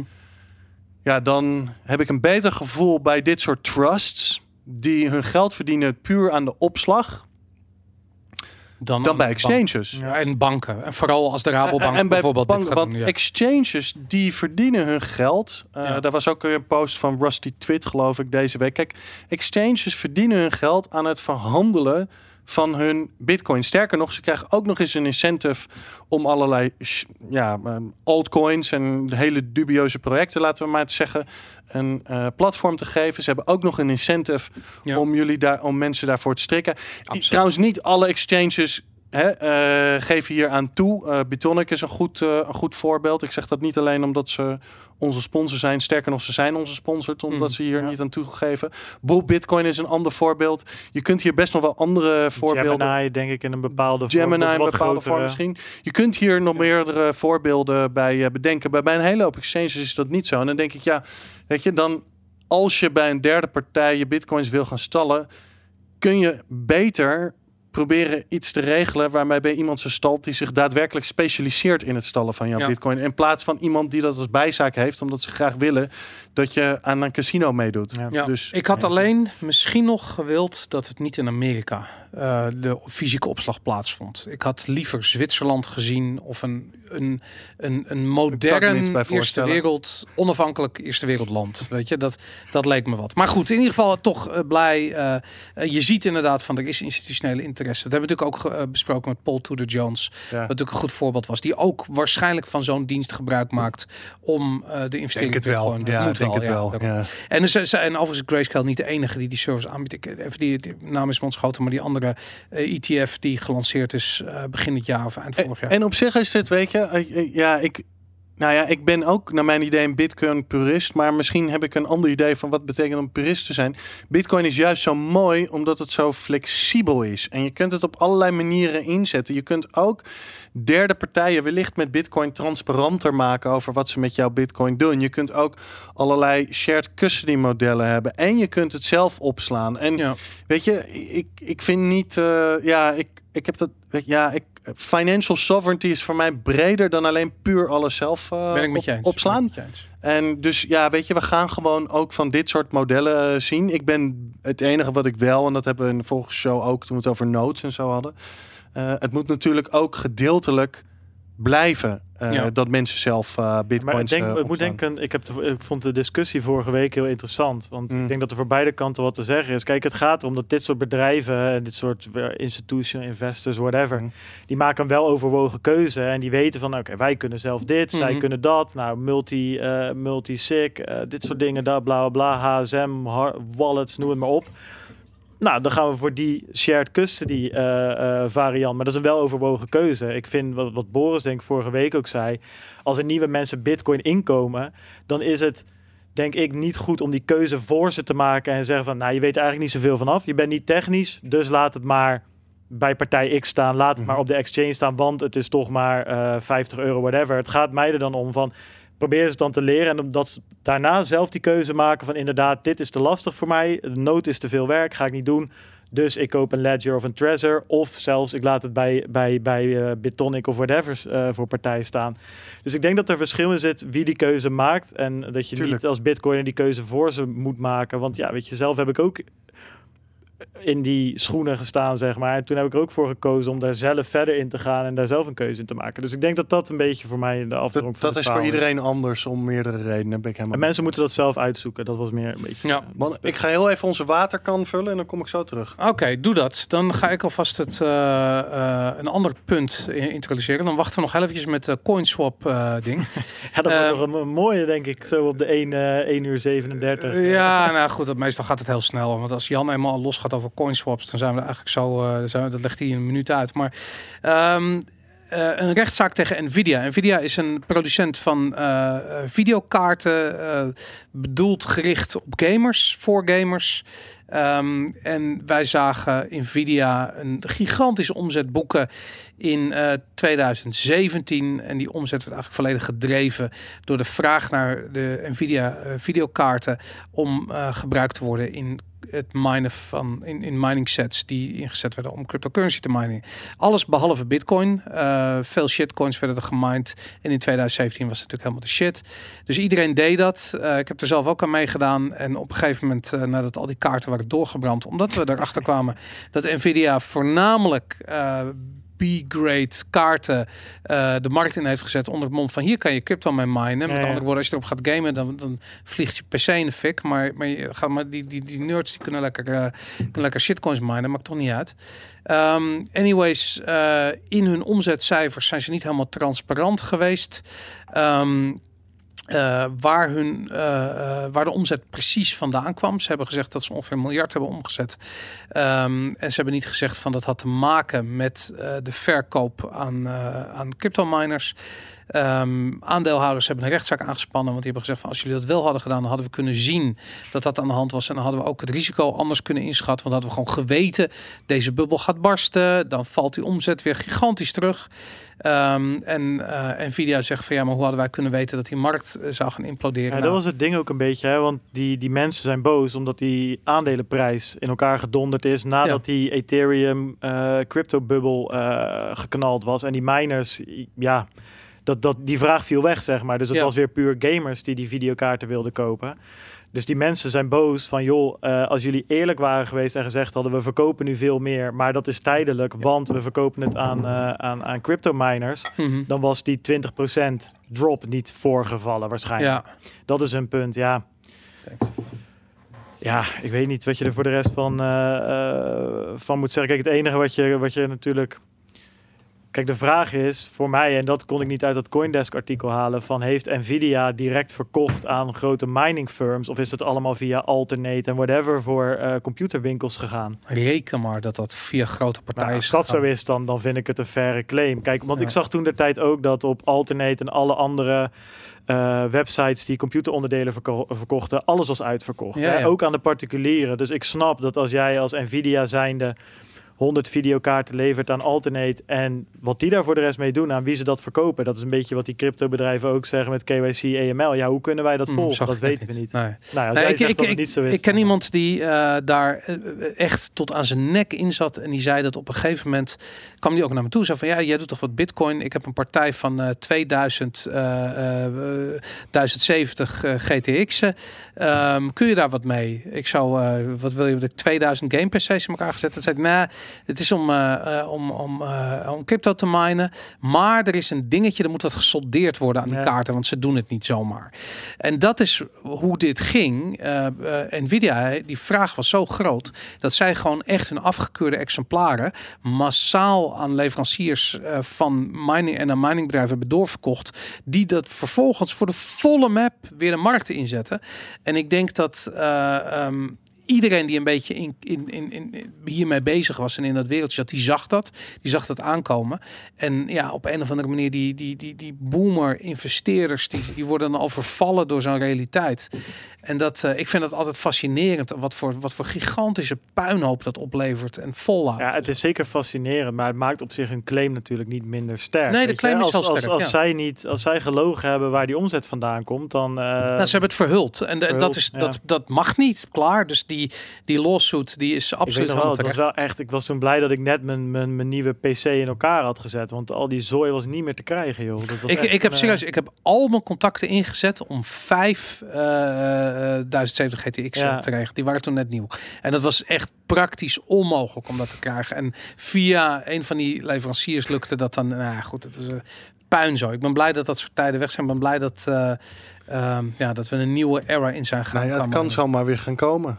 Nou, het, het- het- het- laat ik zo zeggen. Shitcoin minen met, met videokaarten. Ik denk dat dat klaar is. Denk je het echt? Ja, ik Want- denk dat. Ik denk dat ik zie sowieso niet een nieuwe altcoin season, alt season, maar whatever. Misschien verschillen we daarover van mening. Ik hoop het van niet, maar je, je weet het maar nooit. Nou, Ik ben er vrij zeker van dat als Bitcoin naar de prijzen gaat die plan B eh, voor, voorspelt, tussen aanhalingstekens, dat er mensen denken te laten zijn met Bitcoin en dan hoppakee Ja, weer gewoon al hun geld weer in allemaal troep pompen. Ja. Ik, ben, ik zeg niet dat ik daar voorstander van ben. Het is gewoon ja, human mindset en mensen vergeten snel. Het is inmiddels vier jaar terug. Maar Ja, je moet je ook voorstellen, weet je, ik, ik zit eh, ik, de laatste tijd weer eh, eventjes een hele hoop van die podcasts en wat er allemaal is. En er zitten ook van die ja, meer trading-achtige shows tussen. En echt Ja. mensen met 100.000, 200.000 volgers. En als je Ja. die gaat luisteren, shit. zit het alleen maar over eh Omis Go en eh, Ethereum en eh, weet ik veel wat allemaal skateboards met hebben. stickers erop. Ja. Ik ben wel benieuwd naar die coinswap. Ja, laten we het over de Inmiddels coins gaan we hebben. het Het, even het, over de item wat als een soort zwaard van Damocles boven deze aflevering hangt. We komen er maar niet meer toe, maar het gaat nu toch gebeuren. Ik Oh, ga hem nog een keer introduceren. Design for a CoinSwap implementation for massively improving Bitcoin privacy and fungibility. Jan, brandlos. Ja, oké. Nou, ik, eh, dit is een voorstel eh, op de, op de dev eh, mailinglist Mhm. geweest van Chris Belcher. Chris Belcher is een Engelse man. Hij was hier ook van de vorig jaar zomer toen met hoe heet het? Bitcoin. Breaking, Breaking Bitcoin. Ja. Die aan, hij werkte ook aan eh, Join Market volgens mij. Ja. Ehm, en die kwam met dit voorstel. Het voorstel bestond al eh, van, eh, het was uit 2013 van eh, zowel CoinJoin en CoinSwap zijn voorstellen, oorspronkelijk voorstellen van Gregory Maxwell. Mhm. Maar goed, hij heeft daar dus, ehm, eh, ja, goed, hij heeft daar dus een, een voorstel voor over hoe dat te implementeren en, en hoe dat te, te in elkaar, hoe dat te implementeren. Ehm, die geschiedenis over de discussie over CoinSwap, dat eh, moeten we maar aan Aaron eh, overlaten. Maar ik, eh, ja, die ken ik niet helemaal. dat kunnen we misschien beter een keer aan Aaron vragen. Maar ik zal in ieder geval even wat vertellen over wat het, wat het voorstel is. Ja, wat ze willen gaan implementeren. ja. Het idee van een coinswap, eigenlijk dus een coinjoin is... Hè, er, komen, er zijn een hoop mensen die gooien een munt in een, een transactie... en aan de andere kant komt het uit en je weet niet van wie het is. Bij een eh coinswap is eigenlijk anders. Dan zijn er twee verschillende ehm, transacties en je weet niet... Ja, de transac kijk, daar zijn mensen nog aan elkaar te eh, eh, relativeren vanwege een anonimiteitszet. Mhm. Bij coinswap is het anders. Daarmee breek je echt eh, de transactie. Dus om uit te leggen, bijvoorbeeld, ehm, stel je hebt Alice en Bob. Alice heeft adres 1. Die maakt dat geld over naar een coinswap adres. En dat gaat uiteindelijk naar Bob's adres. Bob heeft een adres 2, wat compleet onafhankelijk is van Bob adres 1. Hij gooit wat op een coinswap. En, Elle, en, en dat gaat vervolgens naar Alice adres 2. Dus wat heb je nou eigenlijk gedaan? Eh, er zijn eh, coins van Alice naar Bob gegaan. En er zijn coins van Bob naar, naar Alice gegaan. Maar je kunt natuurlijk ook een van die adressen iemand anders hebben laten zijn. Dus stel, Alice adres 2 is niet Alice, maar nou ja, eh, Boris, Charlie, whatever, is Charlie. Eh, ja, ik zocht iets met een C. Eh, is Charlie. dan is het wat dus eigenlijk is gebeurd. Alice heeft een compleet onafhankelijke transactie naar Bob gemaakt. En Bob een compleet onafhankelijke tran- transactie naar wat zei? Charlie? Charlie. Charlie gemaakt. Dus, maar je kunt dus uiteindelijk niet zien dat het Alice is die hij gewoon geld Ja. over wil maken naar Charlie. Dat is een beetje het idee. Nou, dat is een beetje het basisidee. Eh, zo simpel is het natuurlijk niet. Want je kunt natuurlijk, als je het op deze manier zo simpel doet, zijn er nog wel altijd steeds issues eh, die er kunnen voorkomen. Dus het eerste wat je kunt doen is correlaties. Dus als ik 15 naar Bob overmaak en Bob maakt 15 over naar Charlie, ja, en dat gebeurt ongeveer op hetzelfde moment, kun je natuurlijk correlaties eh, Mhm. ontdekken. Een Ja, ander probleem is dat Bob is mijn single point of failure, die, want die weet precies wat ik aan het doen ben. Die Ja. weet namelijk dat ik, oké, nou. Daar heeft hij dus eh, allerlei ideeën over hoe je dat kunt eh, oplossen. En dat is eigenlijk door multi-transactions Mhm. te doen, multi-transaction coin swaps en door routing. Dus hoe zou dat bijvoorbeeld werken? Nou, in plaats van dat Alice bijvoorbeeld 15 bitcoin overmaakt naar Bob, maakt ze 2 bitcoin, 3 bitcoin en 10 bitcoin over naar onafhankelijke eh, adressen. Eh, en Bob maakt na, via ook weer onafhankelijke adressen, bijvoorbeeld 5 bitcoin, 8 bitcoin en 3 bitcoin af, dus andere getallen, over naar eh, Charlie. Eh, dus dat is één mechanisme. Het andere mechanisme is dat je kunt routen. Dus zelfs een beetje als je onion routing zou kunnen, kunnen doen, kun je dus Mhm. ook hiermee routing doen. Dat je niet alleen via Bob gaat, maar dat je ook via Bob. eh, nou, de uiteindelijke persoon was Charlie. Dus laten we David en eh, Eduard of zoiets noemen. Die Mhm. zitten er allemaal tussen.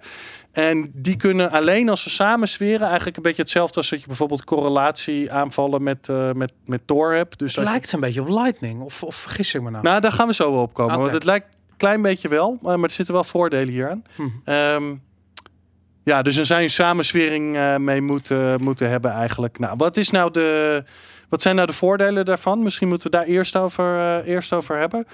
Ehm, jij had het al over Lightning.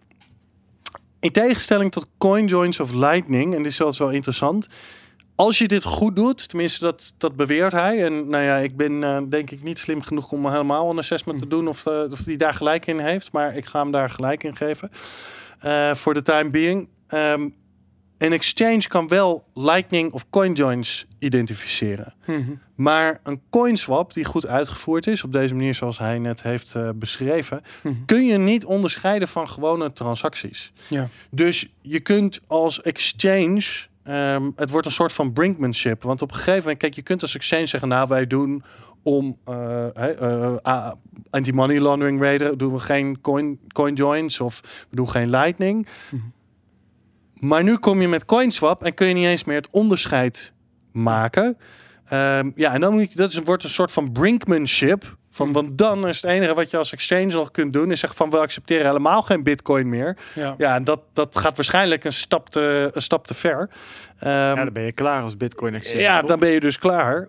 Of, of je moet het wel, of je moet wel coinswaps accepteren. Ja, en dan kun je dus zeggen, ja, dan kunnen we dus net zo goed ook coinjoins en Lightning accepteren, want dat heeft niet zo. Dus dat is één echt Hmm. wel eh, groot verschil. Eh, andere voordelen, ehm coinswaps eh, fixen wat van de problemen die je hebt met coinjoins. Je kunt trouwens de twee ook combineren voor extra privacy. Dus het is niet alsof de een wel en de ander niet. Ehm, het maakt Bitcoin meer fungible. Hebben we het ook wel vaak over gehad. Eh, Mhm. is dat, de fungibiliteit, dat is echt een Nederlands woord. Fungibiliteit is een Nederlands Ja, dat woord. heb je niet verzonnen. Dat is echt een Nederlands, een Nederlands woord. Ja. Ehm, het verbetert ook de privacy van mensen die dit niet gebruiken. Omdat je natuurlijk niet kan onderscheiden of een transactie wel of niet door zo'n coinswap is geweest. Zelfs als jij het niet gebruikt, is natuurlijk altijd de kans dat iemand dat wel heeft Ja. eh, ge- eh, gedaan. Ehm, en, het, en het is natuurlijk, als je een coinswap doet, is het wel echt, geef je wel een hele hoge mate van, eh, van, van privacy. Er is natuurlijk altijd het risico van Sybil attacks. Dat vond ik ook Ja. wel interessant. Dat is het laatste wat ik. Want en hoe komt, want, dat, want uh, voordat we daar aan beginnen, hoe Ja. komt die, die transactie tot stand? Want ik heb begrepen, daar moet een platform zijn waarin de transactie Oh wordt eh, onderhandeld. En dat zou een bulletin board kunnen zijn, maar het zou ook een wallet kunnen zijn. Maar hoe dan ook, het kan iets zijn wat te herleiden is aan jou als gebruiker. Dat is natuurlijk nog een beetje de vraag. Hoe ja, komt dus transactie eh, tot stand? zijn idee is dat je net, dus nu net zoals met join market, met, met coin joins en dat soort dingen, dat je gewoon market makers hebt en En een hot wallet die altijd beschikbaar is, dat soort. Ja, Ja. Zo, zo- zoiets. eh, d- maar inderdaad, dat je gewoon een bulletin board hebben waar mensen op kunnen, kunnen posten. En, Ja. ja. ja. Zoiets, Ja. ja. Oké. Ja.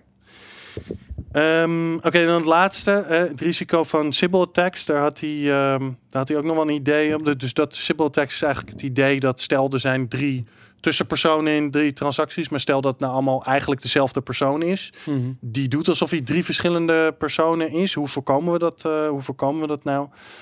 Ehm, daar had hij ook wel een interessant on- antwoord op. Eh, fidelity bonds. Dat was de eerste keer. Misschien had iemand anders dit al een keer bedacht hoor. Maar het is de eerste keer dat ik erover lees. Mhm. En dat is eigenlijk dat je een gedeelte van je bitcoins voor een hele lange tijd moet vastzitten. En dat cryptografische bewijs moet leveren voordat je als market maker kan optreden. Ja. En bijvoorbeeld op zo'n bulletin board eh, kan, eh, kan komen.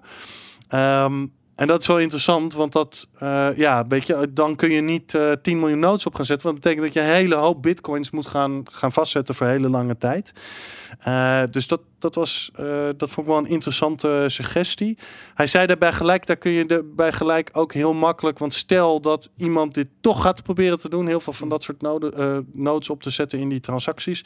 En bijvoorbeeld een DOS-aanval daarop eh, uit pro- probeert te voeren. Door gewoon iedere keer eh, die transactie te, ver- te verbreken. Ja. Eh, ja, dat kun je dan maar één keer doen. Want dan kan. Hè, dan kan Dat is bekend dat je dat... ja, dan kan het bij die persoon in ieder geval, die die transactie wil doen, is het bekend dat jij niet betrouwbaar bent. Ja. En kan hij gewoon naar iemand anders gaan. Dus dat vond ik ook wel een ehm, interessant.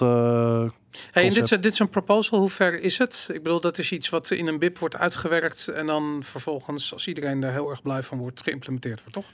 Nou, dit, dit was volgens mij, eh, ja, nou daarom, eh Aaron, we missen je. Want Ja. die weet deze hele geschiedenis ongetwijfeld in detail over coin, eh coin swaps. Ja. Maar dit, zover ik het zag, is het een voorstel wat nu op de dev mailinglist is eh, gedeeld. Oké. En er zal wellicht een, eh, een BIP eh, bij, eh, bij komen. Ja. Maar goed, dat, eh, dat zullen we nog, eh, nog wat verder. eh, Staat hier dat, eh, of in, in dat hele verhaal staat dat CoinSwap in 2013 bij Greg 2013 Maxwell eh, klopt, ja. al eh, Ja, kun je nagaan hoe lang dat, hoe lang dat soort... Zowel CoinJoin als CoinSwap zijn eh, bedacht. Ja. Ik vind- ik vind het wel interessant altijd als je dan kijkt naar zo'n naar zo'n verhaal, zeg maar, dat al die grafische weergaves van die voorbeeldjes die gegeven worden, dat die dan helemaal in ASCII gemaakt worden. En dan vraag ik me wel af, van, zit iemand daar dan En dat is een art, man. op ze, op er is ze vast een toe- toeltje om dat Ja. zo te maken, maar dat... eh nee. Ik vind het wel vet, man. Ja, heel tof. Goed jongens, we zijn 1 uur 54 minuten verder. Er is één onderwerp wat we nog niet behandeld hebben en dat gaan we ook niet meer behandelen, want dat is misschien, eh, dat, dat gaat weer een discussie van uur worden. Het gaat over Hongkong. Ik denk dat dat de volgende Black Swan wordt eh, die we in 2020 gaan meemaken. Maar ehm, wat er ook gebeurt, één ding is zeker, de Amerikaanse beurzen zullen hoger eindigen. Eh, we gaan nieuwe all-time highs zien. Eh, Bart Mol, dankjewel voor je komst hier probleem. in de studio. Gezellig. Super cool, man. Eh, nou, Jan, ik zie je volgende week weer. Volgende week zijn we volgende vanuit de studio. Hopelijk met Aaron, jongens. Later. Strong hand, everybody!